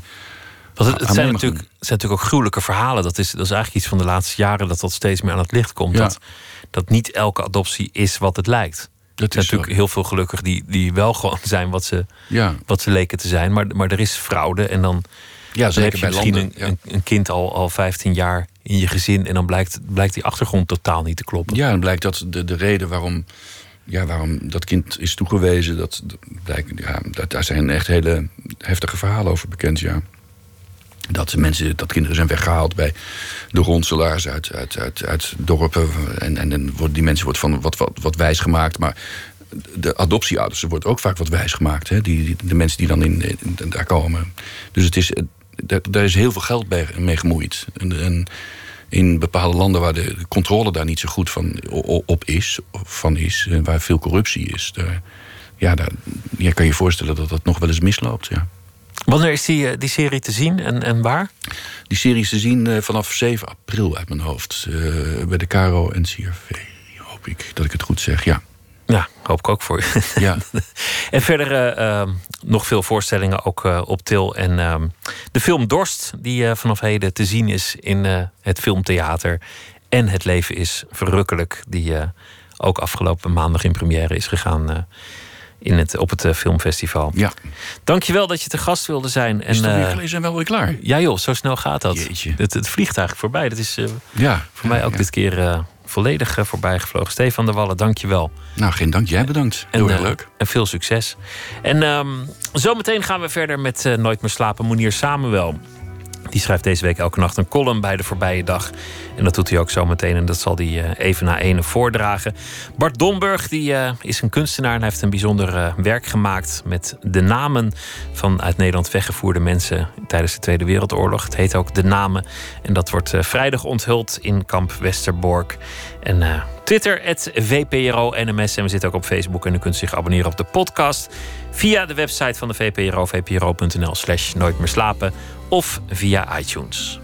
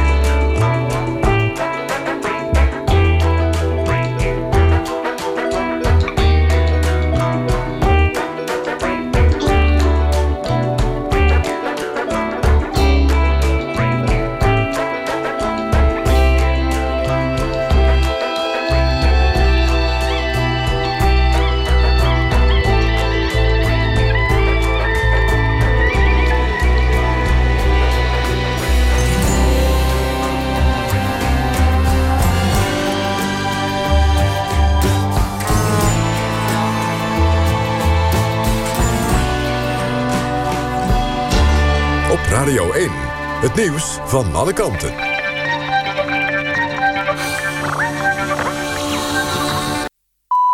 Het is één uur, Eefje Kunnen met het NOS-journaal. De pensioenfondsen staan er iets beter voor, maar zijn er nog lang niet, zegt de pensioenfederatie. Er is meer rendement gehaald uit beleggingen, maar de fondsen hebben nog steeds last van de lage rente. De komende jaren zit een verhoging van de pensioenen er volgens de federatie voor de meesten niet in. Maar als de lijn zich doorzet, is verlaging ook niet nodig. Pensioenfonds ABP voor ambtenaren en leraren denkt dat de kans dat er op korte termijn pensioenen gekort moeten worden al een stuk kleiner is geworden. Metaalfonds PME en Pensioenfonds Zorg en Welzijn zijn voorzichtiger en benadrukken dat ze er nog niet zijn. President Trump is bereid te praten met speciaal aanklager Mueller. Die kijkt naar Russische beïnvloeding van de Amerikaanse presidentsverkiezingen. Ik kijk er naar uit, zei Trump in Washington. De president zei ook dat hij bereid is onder Ede te verklaren... maar dan wil hij wel van de FBI horen of Hillary Clinton... eerder ook onder Ede heeft verklaard... over het gebruik van een privé-e-mailadres voor officiële zaken. Aanklager Mueller verhoorde vorige week minister van Justitie Jeff Sessions... in het onderzoek naar de rol van Rusland tijdens de verkiezingen. In Amsterdam-West heeft brand gewoed in een café-restaurant. Tientallen naast en bovengelegen woningen werden ontruimd. De politie laat weten dat de bewoners vanavond nog niet terug naar huis kunnen. De brand aan de Sloterkade ontstond in het afvoerkanaal... en verspreidde zich via buizen door het hele gebouw. Er is niemand ernstig gewond geraakt. Vijf mensen zijn ter plekke onderzocht omdat ze rook hadden ingeademd bij de brand in Amsterdam. Het inhaalduel tussen FC Utrecht en Feyenoord heeft geen winnaar opgeleverd. De wedstrijd, vorig jaar afgelast vanwege de sneeuw, eindigde in 1-1. Sam Larsson zette Feyenoord op 0-1. Girano Kerk scoorde kort voor de rust de 1-1. En tien minuten voor tijd maakte Robin van Persie zijn rentree bij Feyenoord. Onder luid applaus van de eigen, maar ook de FC Utrecht supporters kwam hij het veld op. Het weer, de regen en de wind trekken komende uren via het oosten het land uit. Vannacht wordt het zo'n 7 graden. Morgen veel bewolking en vooral in het oosten en zuidoosten valt regen. Het wordt morgen een graad of 9. Dit was het NOS Journaal. NPO Radio 1. VPRO. Nooit meer slapen.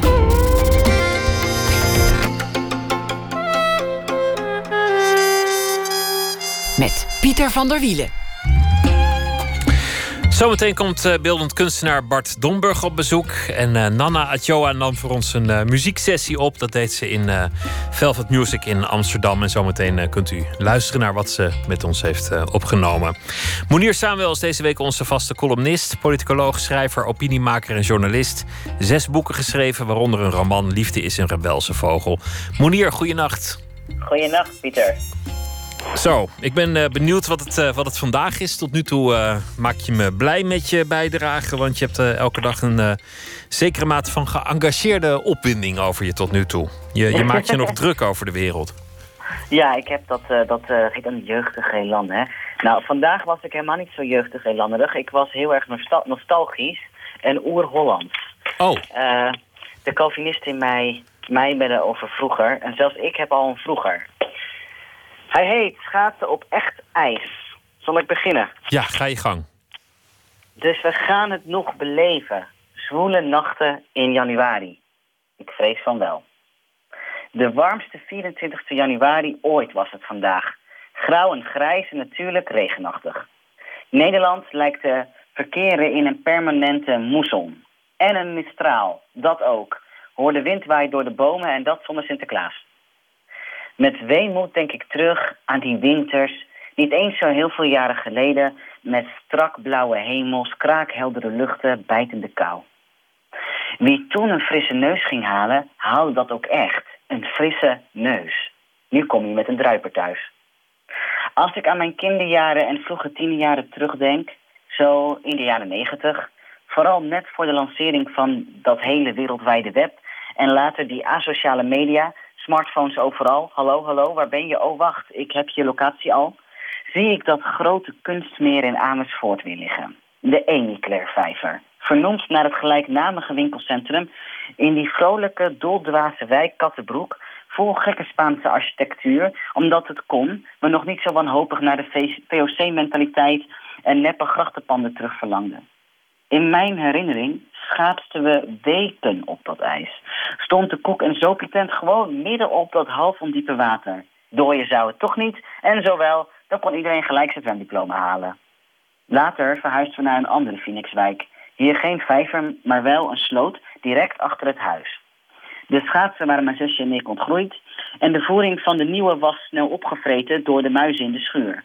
Dus liepen we gewoon op onze schoenen, op dat ijs naar school. Dagenlang. Een frozen shortcut zou ik het willen noemen. De school lag namelijk aan datzelfde water, zij het een stukje verderop. Ik herinner me zelfs die Elfstedentocht van 1997. Ik zat in Vlaardingen bij mijn oom en tante, gekluisterd achter de buis. Ze hadden een oud en statig Hollands huis met een houtkachel die goed loeide. Het hoogtepunt, een man liep naakt over het ijs. Het was voor het eerst dat ik witte billen zag. De shock was groot, kan ik u zeggen. En er was een liedje over stop nou eens met piezen, anders ga je verliezen. Ook over die zeer onchristelijke tekst waren mijn zus en ik zeer ondaan. Maar met rode oortjes bleven we kijken. Van de warmte van de zelfgemaakte chocolademelk van mijn tante, ja. Maar vooral van dit bijzondere spektakel. De zorgeloosheid van die tijd zijn we voorgoed kwijt. Niet alleen is de wereld in een vreemde greep geraakt van angst voor terrorisme, populisme, xenofobie en een blind soort eigen gereidheid. Er hangt daar doemend aan de horizon de donkere schaduw van de klimaatverandering. zo voelbaar. Met sneeuwklokjes in het gras op eerste kerstdag, grauwe hemels en permanente herstormen, dat we liever allemaal op het eerste beste vliegtuig zouden stappen, al is dat laatste nu precies de reden waarom niemand meer schaatsen kan. Dat groeiende onheil is zo beangstigend dat liever niemand erover praat. Maar we moeten praten. En we moeten handelen, zelfs al is het misschien te laat. Aan sommige zaken kunnen we geen dag langer ontkomen. Groot is dan ook mijn verbazing dat de 200 grootste bedrijven van Nederland van minister Wiebes binnen vier jaar af moet stappen van Gronings gas. De bedrijven wordt een keuze gelaten. Of duurzaam, of gas van over de grens. Dat Loppersum letterlijk in moet storten voordat de Nederlandse bedrijven worden opgeroepen zich van de gaskraan te ontkoppelen, is onbegrijpelijk. Maar dat de bedrijven een keuze wordt gelaten gewoon verslaafd te blijven aan fossiele brandstof, is misdadig.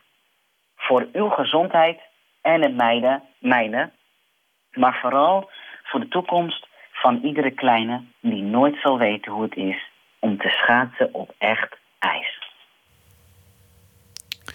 Een uh, reminder van de klimaatverandering die uh, toch erg zichtbaar lijkt met, uh, met deze, nou ja, minder traditionele winters.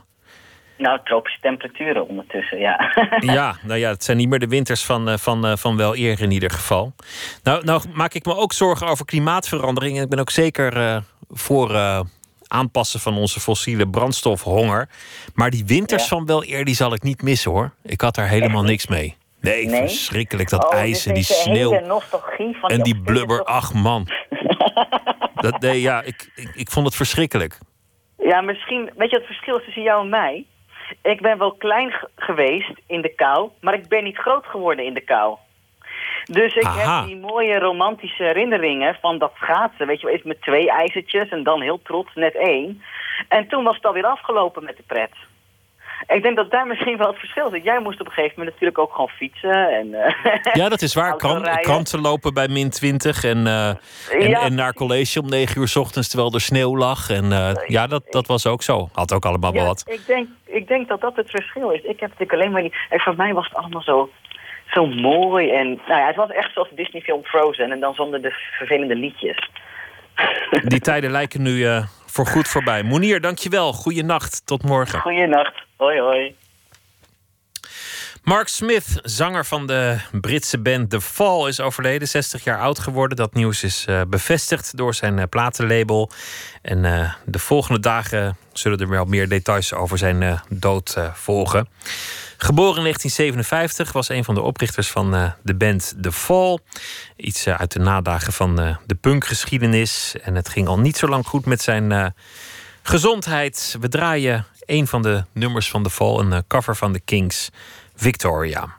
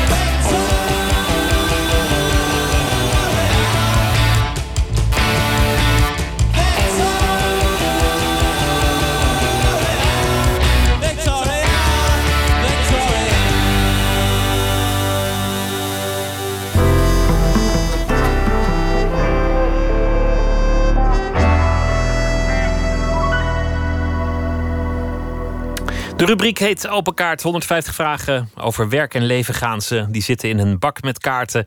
En de gast die trekt zelf vragen. Kunstenaar Bart Domburg is hier te gast. Aanstaande zaterdag opent in eh, Westerbork het eh, herinneringskamp zijn installatie De Namen. Hij schreef 102.000 namen op eh, papier.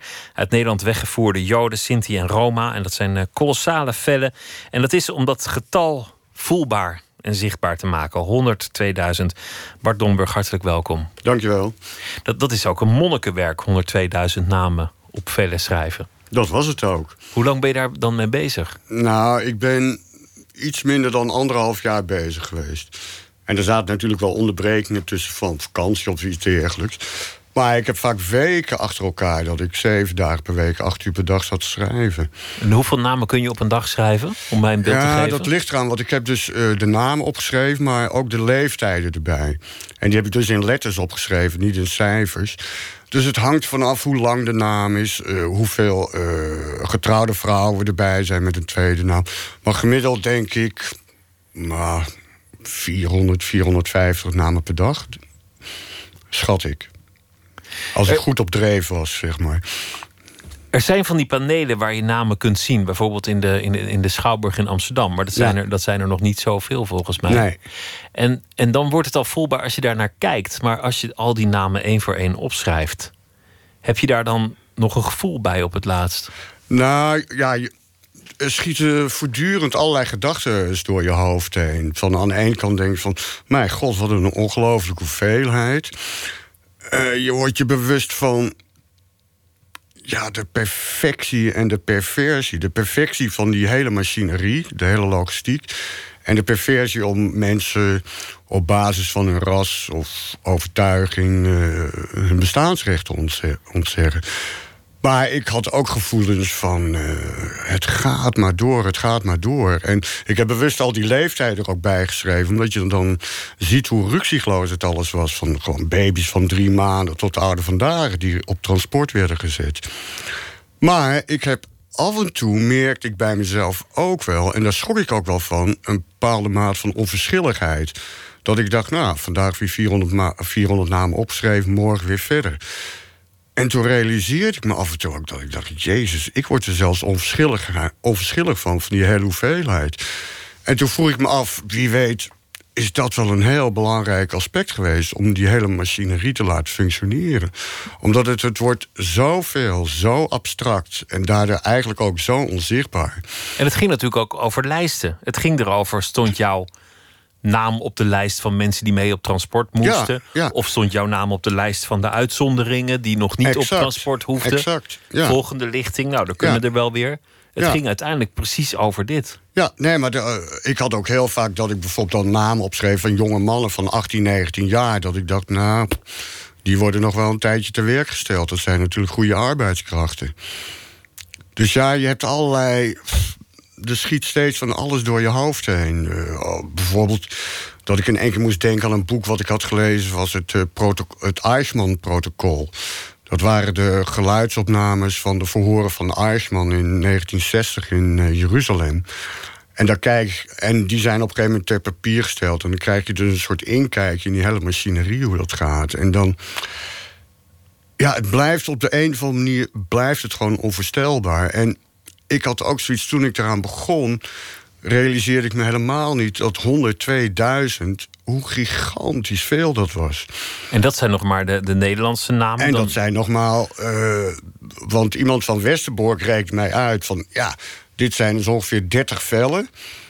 Stel dat je ze alle 6 miljoen uh, doet, dan, ben je, dan gaat het 60 keer 30 vellen. Dus dat, het is nog maar, hon, nog maar tussen haakjes 102.000. Maar dat is natuurlijk maar een gedeelte van het totale aantal. En dan heb je ook nog de mensen die zelfmoord hebben gepleegd, die dan niet in die, in die, in die cijfers ja. meetellen. Nee, maar stel je voor, ik, ik had ook gedacht van. Stel je voor, je woont gewoon in een huis, daar groeien je kinderen op, daar heb je herinneringen, daar heb je gewoon je leven. En je krijgt in één keer een oproep van u wordt geacht om binnen 24 uur daar, zich daar en daar te melden met een koffer. Met, en anders wordt u opgehaald. Dat moet ongelooflijk ingrijpend zijn geweest. En je hebt geen idee wat er gaat gebeuren, wat je toekomst is. En al, al zou iemand je te vertellen, dan, dan is het moeilijk te geloven. Dan is het niet te bevatten, want vooral op dat moment... er gingen natuurlijk wel allerlei geruchten, geruchten maar ja, dat gaat als ware het bevattingsvermogen te boven natuurlijk. Hoe kwam je op het idee om dit te gaan doen? Om, om, dit, uh, om dit werk te maken? Nou, ik heb ooit. Ik ben op een gegeven moment gewoon gaan eh, schrijven. Gewoon met mijn eigen handschrift op grote vellen papier.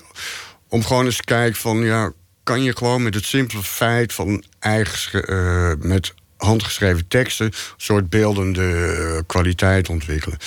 En toen heb ik op een gegeven moment, heb ik in 2013 was dat, heb ik alle adressen opgeschreven van Joodse families die in 41 in uh, Amsterdam geregistreerd stonden. Dat werd ook een heel groot vel van 1,50 bij 3,30 meter of zoiets.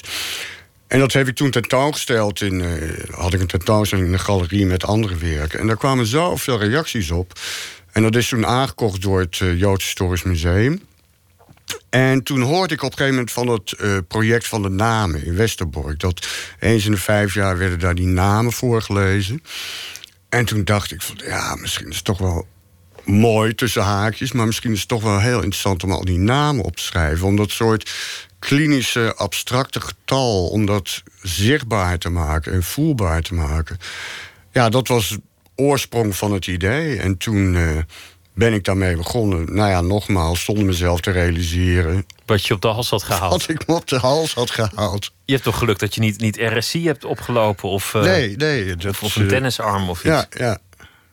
Laten we beginnen met uh, de kaarten. Want, want dit werk is vanaf zaterdag te zien in. Uh, ja, in, vrijdag, vrijdagochtend om 11 uur wordt het officieel geopend in Westerbork. En dan wordt ook een boek gepresenteerd met de 102.000 namen. Want ze hebben jarenlang hebben ze al die namen weer gerecenseerd. Of het wel klopt, of de, de datums enzovoort uh, wel kloppen. Want er schenen nogal wat fouten in zijn geraakt in de loop der tijden. Dus dat boek, en dat heb ik gezien, dat is echt een vuistdik boek. Dat is echt waanzinnig, ziet dat eruit.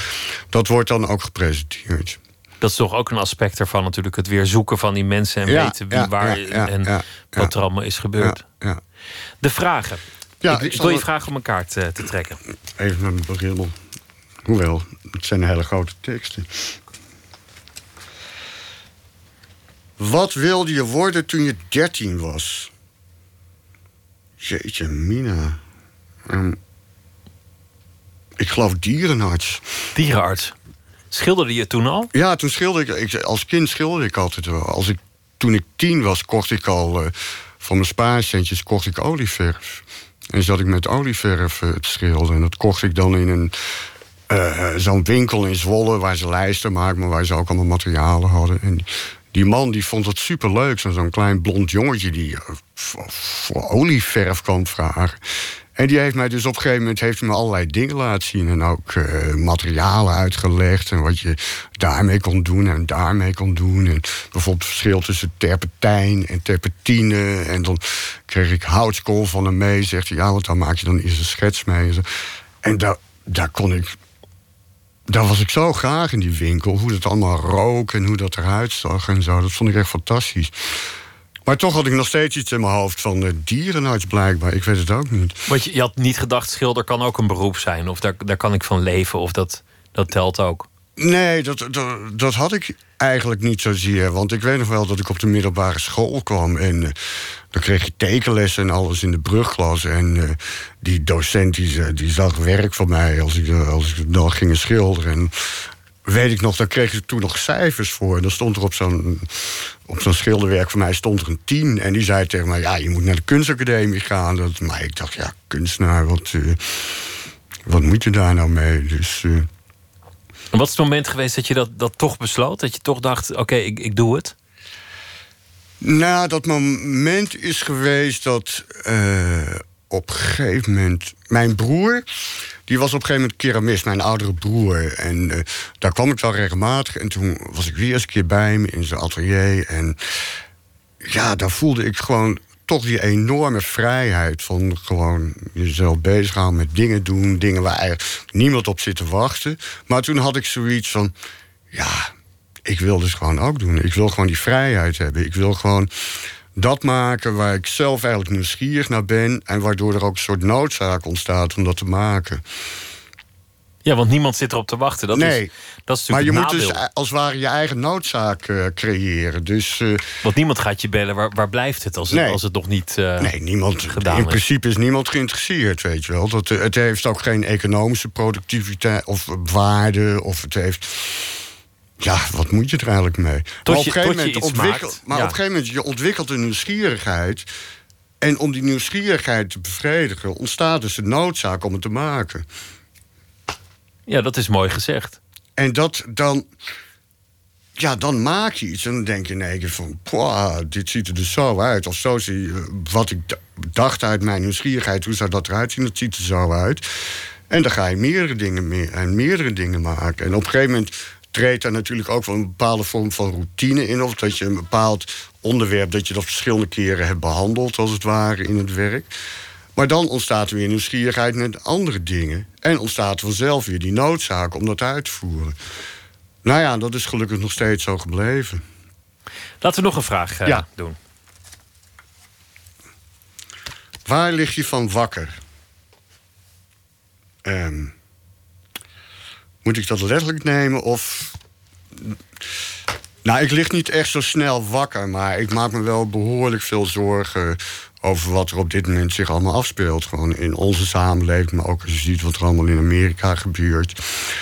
En de ontwikkelingen die gaande zijn, dat eh, gewoon wetenschappelijke feiten gewoon als een mening worden afgedaan en zo. En dat er haast geen objectiviteit meer bestaat of niet meer wordt geaccepteerd. En dat iedereen maar wat roept en wat schreeuwt. En daar kan ik wel eens wakker van liggen. Dat ik denk, ja, het is toch wel heel heftig waar, welke kant we nu langzamerhand op gaan.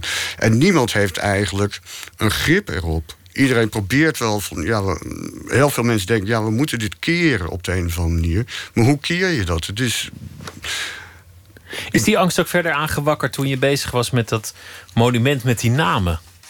Omdat dat, dat is toch in zekere zin wat eraan vooraf ging. Ik bedoel niet letterlijk hetzelfde, maar dat gevoel moet er toch geweest zijn bij veel mensen in de jaren Ja. 30. Van Nou, er gebeuren dingen en we hebben er geen greep op. Ja, kijk, je, je kunt bepaalde vergelijkingen trekken of je hebt bepaalde overeenkomsten. Maar de radicaliteit van dat regime destijds. En die zagen zichzelf eh, echt ook als revolutionair. En wat interessant was, ze zagen zichzelf ook als, als een soort kunstenaars. die een soort hele nieuwe maatschappij aan het bouwen waren. En waar voor echt alles opzij moest. En die radicaliteit, die ze- die heb je op dit moment niet. Tenminste, nog niet. Je weet nooit welke kant het opgaat. Maar je realiseert je het wel tijdens het opschrijven van die naam... van ja, dit is de soort uiterste radicale consequentie... van een systeem, van een ideologie. Ja, en er zijn aspecten die je heden te dagen ziet... die wel enigszins wijzen op die kant. Niet op die uiterste consequentie, maar wel dat er is weer nationalisme... er is weer dat wij en zij gevoel, er is weer... eh, die onzekerheid. Er zijn tegenwoordig politici, bijvoorbeeld Thierry Baudet, die zegt... eh eh, Hiemstra moet ontslagen worden, omdat, Omdat hij, omdat hij het niet met hem, omdat niet hij niet met hem eens is, weet je wel. Ja, stel dat zo'n iemand aan de macht komt, die ontslaat iedereen. Hetzelfde wat Trump doet, die het niet met hem eens is. Ja, waar gaan we dan naartoe? Laten we nog een vraag trekken. Ben je bang om oud te worden? Mm, nee, niet echt. Het is toch onvermijdelijk. Dus je doet er verder helemaal niks aan. Dus ja, ik kan me er wel bang om maken. Maar dat heeft geen enkele zin. Dat schiet niks op. Je houdt het toch niet tegen? Het nee, je toch houdt het toch niet tegen. Ik bedoel, Nee. ja, ik kan hoog en laag springen en eh, weet ik veel wat doen. Maar ja, hoe je het ook went of keert, je wordt toch ouder. De tijd gaat maar één kant op. Ja, de tijd gaat niet terug. Laten we nog een kaart eh, doen. Wie is je grootste voorbeeld? My god. Mm. Ja, dat is lastig. Wie is dat? Nou, bijvoorbeeld op het gebied van kunst... of van het eh, gebied van schilderkunst vind ik... Rembrandt waanzinnig, maar ik vind ook Velasquez waanzinnig. Ik vind Picasso waanzinnig, maar ik vind ook Mondriaan vind ik echt ongelooflijk. Weet je wel, als ik dat weer zie, dan krijg je echt een knal voor je kop. Ja, dan heb je nog schrijvers, dan heb je nog muzici, dan. eh, ik ben altijd zeer gecharmeerd geweest van, om het over muziek te hebben, van Johnny Rotten. Niet echt als voorbeeld, maar de energie die die man uitstraalde. En de dwarsheid, maar ook bands als de Ramones en zo. Dat vond ik ook altijd, of vind ik nog steeds altijd fantastisch. Dus ja, echt, ik heb nooit echt gespiegeld aan iemand van... oh, zo wil ik ook worden, of zo wil ik ook zijn. Maar je hebt wel mensen, of kunstenaars, schrijvers, ook politici... die zeer inspirerend kunnen zijn. ja. En in je eigen leven, want, want je maakte in de jaren negentig deel uit van eh, een, een groep After Nature, die, Ja. de, die de Nederlandse kunstwereld toch, eh, toch flink heeft opgeschud destijds. Met de Klashorst en, eh, en eh, Van Hal en de, Ja, de, ja, de, de gebroeders Donker. Ja. Had, je, had je daarin ook een soort voorbeeld? Is er iemand in je eigen leven geweest die, eh, tegen wie je opkeek? Nou, ik heb. Eigenlijk als kind heb ik tegen iemand eh, opgekeken. En dat, was, oh, dat waren eh, overburen van ons. Dat was een Joodse familie. Dat was eh, de heer David Wijnbeek. Die was op dat moment werd hij gezien als een soort expert, koningshuis-expert. De oranje-expert. Die wist alles over de oranje, ook over de oorlog. Die had ondergedoken gezeten. En die, daar kwam ik vroeger wel als kind, als tienjarig jochie. En daar kwam ik dan in die huiskamer en daar zat hij met van die borstelijke wenkbrauw, eh, borstelige wenkbrauwen in een hele grote fortuin met alleen maar boeken om zich heen. En dan zat hij zo bastos te roken, zo'n zo'n zware Belgische sigaret. En dan zat hij zo, zo van die rookwolken. Maar er ging eigenlijk voor mij een soort wereld open. Van in één keer een volkomen andere wereld die ik niet ken. Een wereld van boeken, van literatuur, van informatie, enzovoort, enzovoort. En die, was, die man, dat, dat was daardoor wel een soort voorbeeld of zo in mijn eigen leven. Of dat vond ik zo bijzonder. En op een bepaalde manier ook heel inspirerend. En dan begon ook van alles te vertellen. En waar hij dan weer mee bezig was. Terwijl gedeelte begreep ik überhaupt niet. Maar eh, het, dat was voor mij een volkomen nieuwe wereld. En daarin vormde hij wel een soort voorbeeld eigenlijk. We gaan nog één, eh, één kaart trekken. Ja. Welk kunstwerk moet gered worden als de wereld in brand staat? Ja, haha. Fijne vragen. Ja, voor, zeker aan jou, want je, je bent zo'n liefhebber. Dus je, Ja, Dat- ik dat bedoel, dat barst van de, kunstwerken. Dat is. eh tjie. Ja, de wereld moet gewoon niet in brand staan. Ik bedoel, ik, eh, ja, ik, ik heb. Je kan. Boekie Boekie van Mondriaan nemen. Je kan Guernica van Picasso nemen. Je kan eh, de Nachtwacht nemen. Je kan. eh, noem maar op. Er zijn zoveel waanzinnige mooie dingen en inspirerende werken gemaakt. Dat ik, kan, ik kan niet echt voor eentje echt een voorkeur uitspreken. Nee, we moeten maar gewoon voorkomen dat de wereld in, ja, eh, in ik denk dat dat veel, veel handiger is. Dan hoeven we ook die keuze niet te maken. Dankjewel eh Bart Domburg en eh, veel succes vrijdag met de officiële onthulling van je, van je werk en met de expositie daarna. Dank je. Dank je, graag gedaan.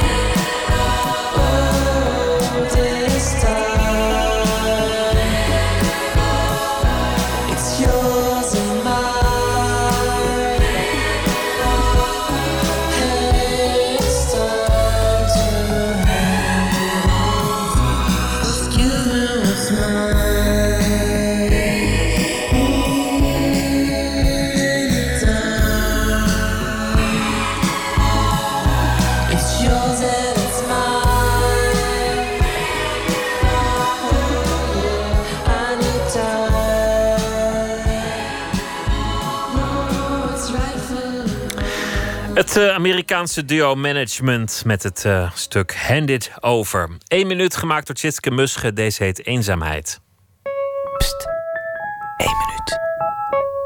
Een derde van de Nederlanders voelt zich eenzaam.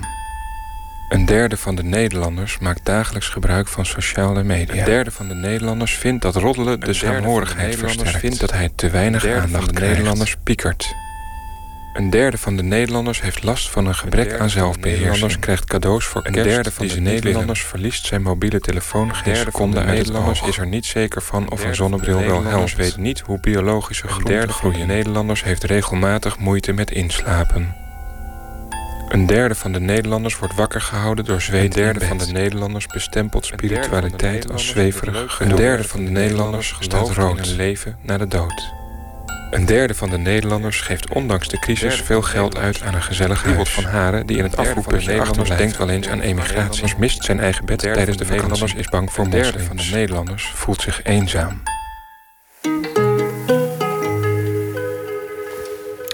Komend weekend kun je in één dag kennis maken met de gedachten van twaalf dode denkers. die we nu nog goed zouden kunnen gebruiken. Dat is een eh, initiatief van Human en de School of Life. Deze week elke nacht een eh, voorproefje op deze dag. Iemand die een eh, groot dooddenker aanprijst. Freek Vielen is regisseur en hij zal een lans breken voor schrijver en schilder Kurt Vonnegut. Freek, goedenacht. Goedenacht. Ja, Kurt Vonnegut. Waarom, waarom hij? Waarom is hij zo belangrijk voor jou? Ehm, hij is de schrijver van het boek eh Slachthuis 5, Slaughterhouse 5. Wat ik gelezen heb een aantal jaar geleden. En eigenlijk is hij eh, heel de tijd sindsdien, sinds ik hem gelezen heb, is hij me bijgebleven. En, en heb ik veel, ja, het klinkt een beetje gek, maar gesprekken met dat boek sluit ik mijn gedachten aan, aan wat hij daar neerschrijft in dat boek. Een boek eh, over, over de oorlog, over een bombardement. Ja. Ja, het is, gaat over een boek over... eh Kurt Vonnegut heeft zelf... heeft hij het eh, als eh, Amerikaans soldaat... heeft hij eh, de Tweede Wereldoorlog overleefd. Heeft hij de Ardennen-offensief is hij in terecht gekomen... en is toen als krijgsgevangene naar Dresden vervoerd. En Dresden is helemaal op het eind van de oorlog... zonder dat er echt goede reden voor was... ehm, helemaal plat, gebombardeerd. Er zijn heel veel burgerslachtoffers bijgevallen. En Kurt Vonnegut heeft dat bombardement toen in 1945 eh, overleefd. En heeft eigenlijk bedacht daarna... hier moet ik een boek over schrijven... over deze verschrikking die ik hier heb gezien. Deze zinloze verschrikking. En dat heeft hij, eh, heeft hij eerst andere boeken geschreven, maar uiteindelijk in 1970 heeft hij dat boek geschreven, Slachthuis 5, een, eh, een van de grootste boeken van eh, de afgelopen eeuw. Over een van de grootste verschrikkingen van de afgelopen eeuw. En wat opvallend aan het boek, wat gek aan het boek is, is dat het eigenlijk een heel, ja, ik zou bijna zeggen licht en humoristisch boek is. Eh, over een Amerikaanse soldaat, over Billy Pilgrim, die eigenlijk ook in 1944 naar de Ar- Ardennen-offensief wordt gestuurd, ook in Dresden terechtkomt. Ehm, en ook dat die dat bombardement overleeft. Alleen deze Billy Pilgrim die komt als hij thuis geraakt, weer terug in Amerika, eh, raakt hij langzaam los van de tijd. Hij gaat tijd reizen en hij wordt ontvoerd door buitenaardse wezens, door Tralfamadoriërs. Kleine groene mannetjes in de vorm van een grootsteenontstopper. En, ehm, die, en, dat, en die kleine groene mannetjes leren hem tijd reizen. En hij ziet daardoor eh, hoe blijvend alles is. En hij komt dus regelmatig één keer terug in de oorlog en reist hij weer naar zijn dagelijks leven. Hij wordt meestal, meestal aangeduid als een, als een groot schrijver, want het is een magistraal boek, dat zonder meer. Ehm Vonnegut als, als denker, dat, dat heb ik wat minder eh, op het vizier staan. Waarom vind je hem een denker die nu nog belangrijk is, waar we nu iets aan hebben? Nou, dat boek gaat eigenlijk de hele tijd over... Dus een van de gevleugelde uitspraken uit het boek is... eh, eh, zo gaat het, so it goes.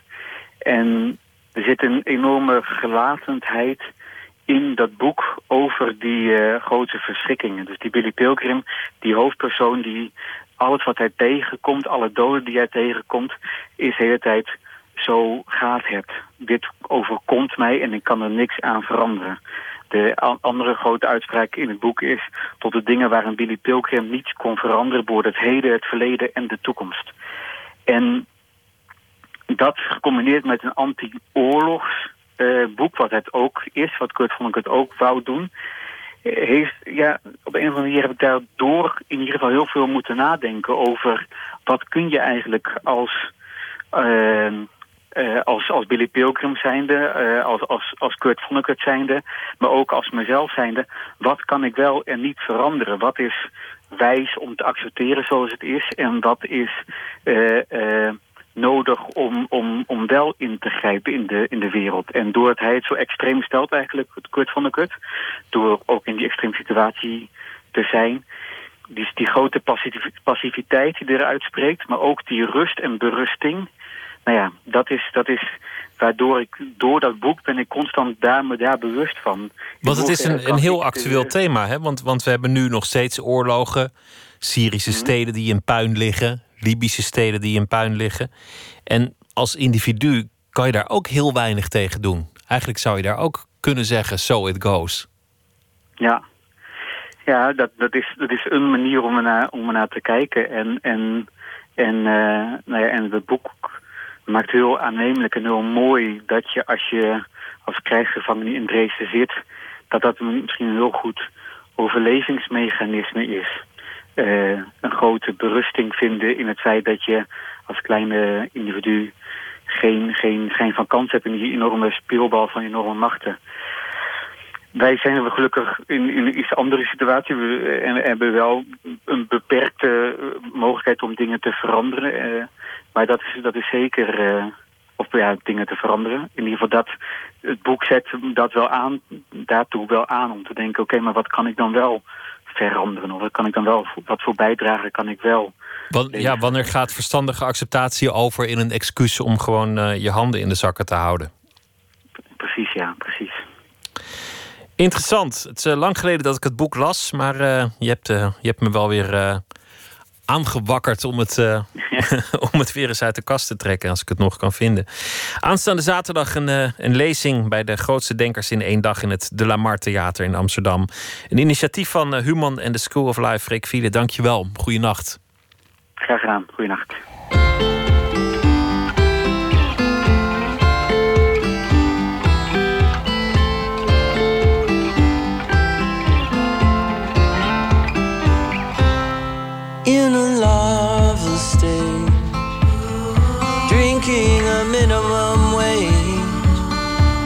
Fell in with a girl so vastly superior. She wore Mardi Gras beads in her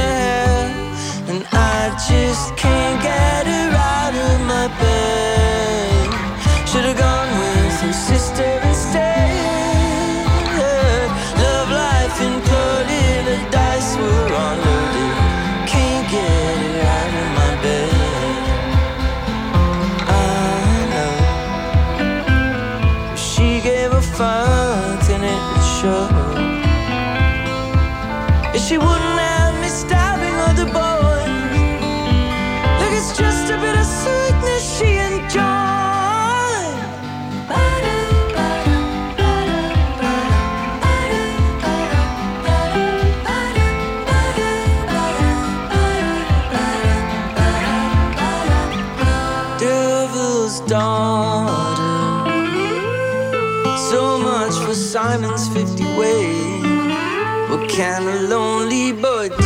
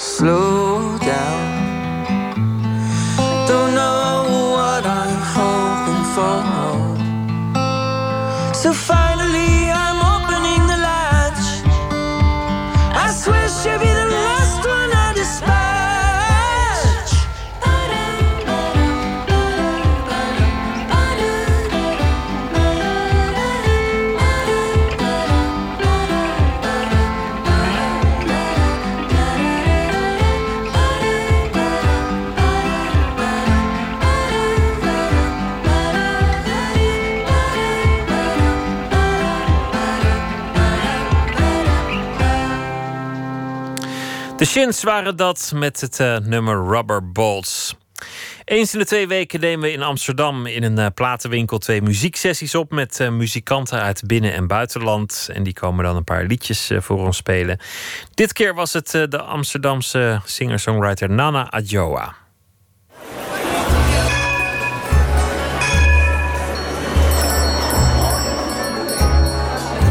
Het eerste nummer heet No Sleep. Ehm, en dat eh, ja, staat ook op mijn plaat en eh, EP. Het gaat over ehm, het, eh, ja, het niet meer kunnen, niet kunnen slapen. Een onheilspellend gevoel dat, dat de, tijd waar je, de soepele tijd waar je nu in begeeft, zeg maar, waar alles gewoon eigenlijk makkelijk verloopt, toch op een gegeven moment tot het einde gaat komen.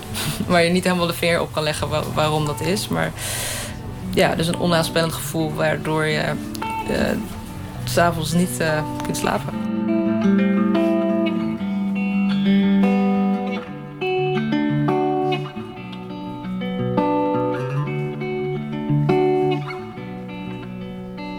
Both eyes closed, no sleep.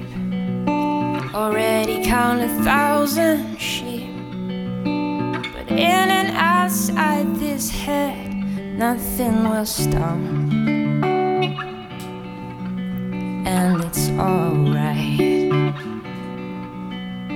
The early morning always comes through. Awakes you from those dreams too soon. So I broke my clock, but the ticking will never stop. And it's alright.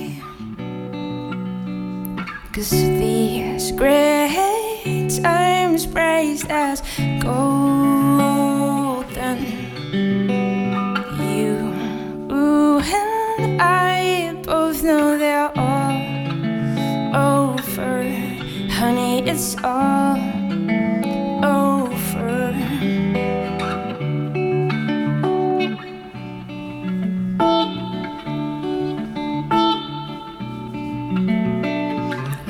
Lights off, dreams on.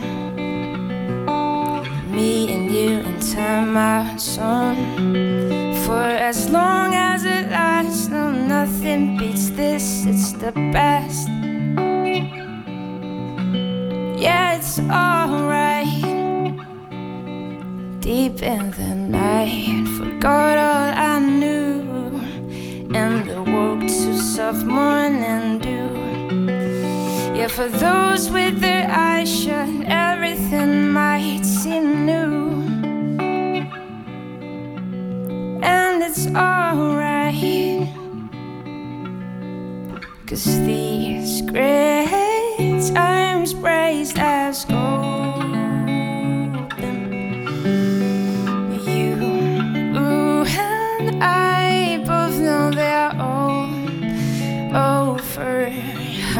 It's all over.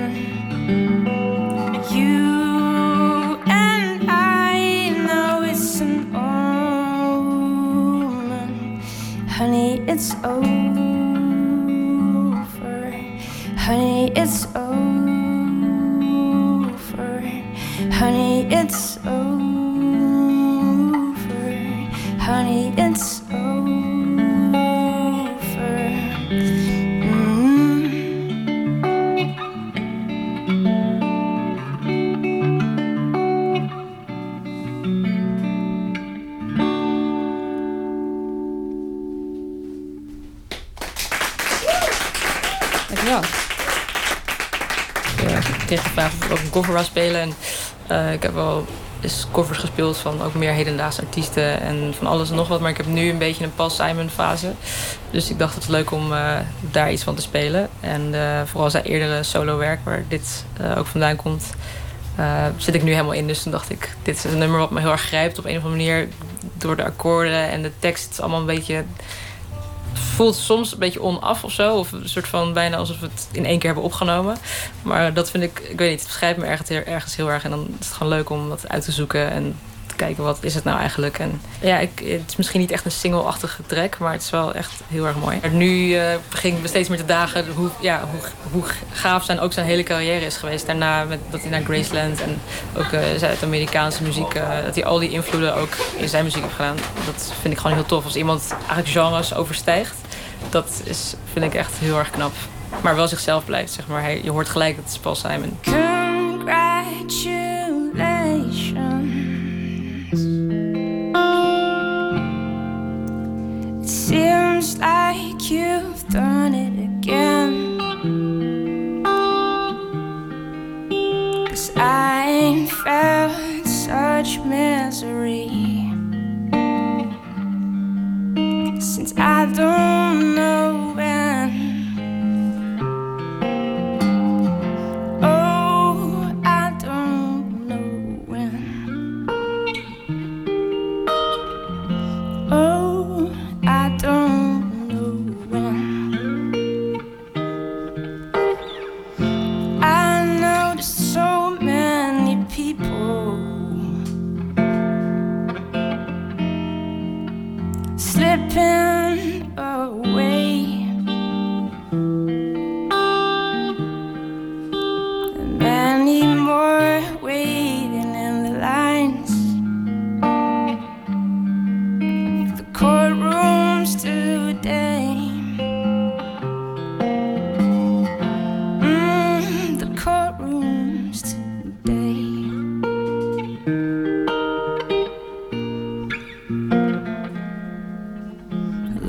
is not a game, love is not a toy, love is no romance.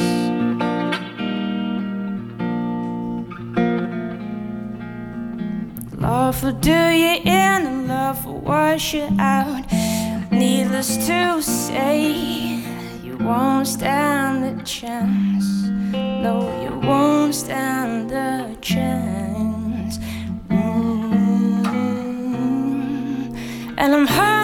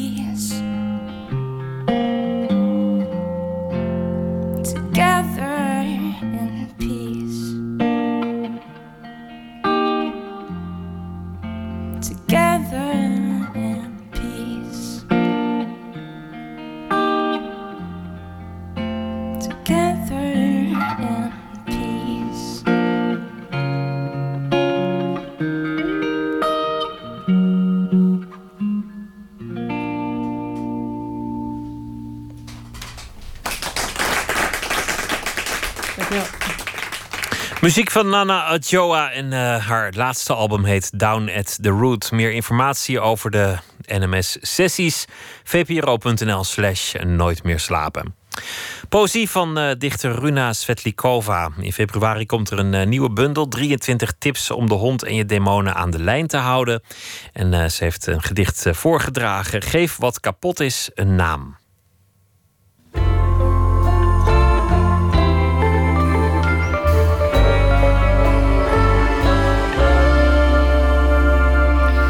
Geef wat kapot is een naam. Help dit ding waarin je verstrikt zit. Het oeverloze opstaan en gaan slapen en alles wat moet, dat moet. Want onweerbare kindertjes en iedereen die aan je enkels hangt naar de andere wereld. Beter gewoon boterhammen blijven smeren, zegt het ding. En toch. Het heeft geen zin het in je te laten rotten, er op je verraderlijk krakende tenen omheen uit angsten te wekken met een humeur zoals dat van jezelf op een doorsnee ochtend. Het ding barst toch. Misschien net op het moment dat je het mes in de boter steekt, misschien in alle stilte. Met een stem als van de weervrouw geef je het kapotte ding een naam en zie. In één lang gerekte peristaltische beweging wordt alles wat net nog onmogelijk was, alle volgende dagen ingeperst. Nu alleen nog even in de magnifieke strontvloed recht blijven staan. Ja, toen ik mijn eerste bundel gepubliceerd had, deze zachte witte, deze zachte witte kamer, dan, uh, ja, dan was die eigenlijk vrij succesvol. Ik had dat niet echt verwacht. Ik dacht van ja, uh, ik ga dit ding even de wereld ingooien en niemand gaat dat merken. Maar dat was niet zo. Um, ik kreeg een, een boel prijzen en ik werd op heel veel plekken uitgenodigd. Maar tegelijkertijd viel mijn privéleven eigenlijk helemaal uh, in stukken. En, um, en ben ik uh, heel onverwacht uit elkaar gegaan met de vader van mijn kinderen. En dit gedicht uh, gaat eigenlijk over het moment waarop ik zei van het is gedaan tussen ons. En het was echt gewoon, we zaten te ontbijten en het was heel erg uh, rustig en er was geen enkele reden om aan te nemen dat ik dat ging zeggen. En toch zei ik het. En dan heb je de keuze van ja, nu, nu, nu is het gezegd en er is geen weg meer terug en je moet verder. En dat is uh, niet eenvoudig, maar toch. Denk ik dat het goed is om wat kapot is een naam te geven. Dus voilà, geef wat kapot is een naam. Help dit ding waarin je verstrikt zit. Het oeverloze opstaan en gaan slapen en alles wat moet, dat moet. Want onweerbare kindertjes en iedereen die aan je enkels hangt naar de andere wereld. Beter gewoon boterhammen blijven smeren, zegt het ding. En toch. Het heeft geen zin het in je te laten rotten, er op je verraderlijk krakende tenen omheen uit angsten te wekken met een humeur zoals dat van jezelf op een doorsnee ochtend. Het ding barst toch. Misschien net op het moment dat je het mes in de boter steekt, misschien in alle stilte. Met een stem als van de weervrouw geef je het kapotte ding een naam en zie. In één langgerekte peristaltische beweging wordt alles wat net nog onmogelijk was, alle volgende dagen ingeperst. Nu alleen nog even in de magnifieke strontvloed recht blijven staan.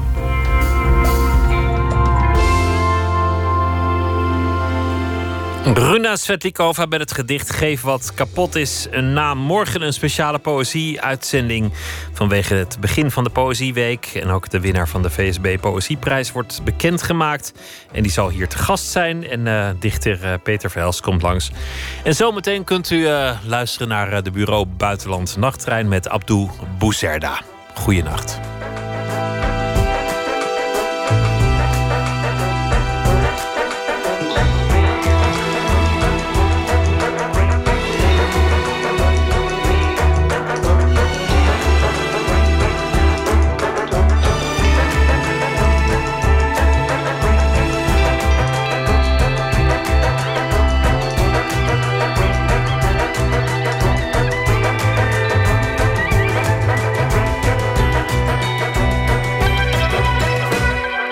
Radio 1.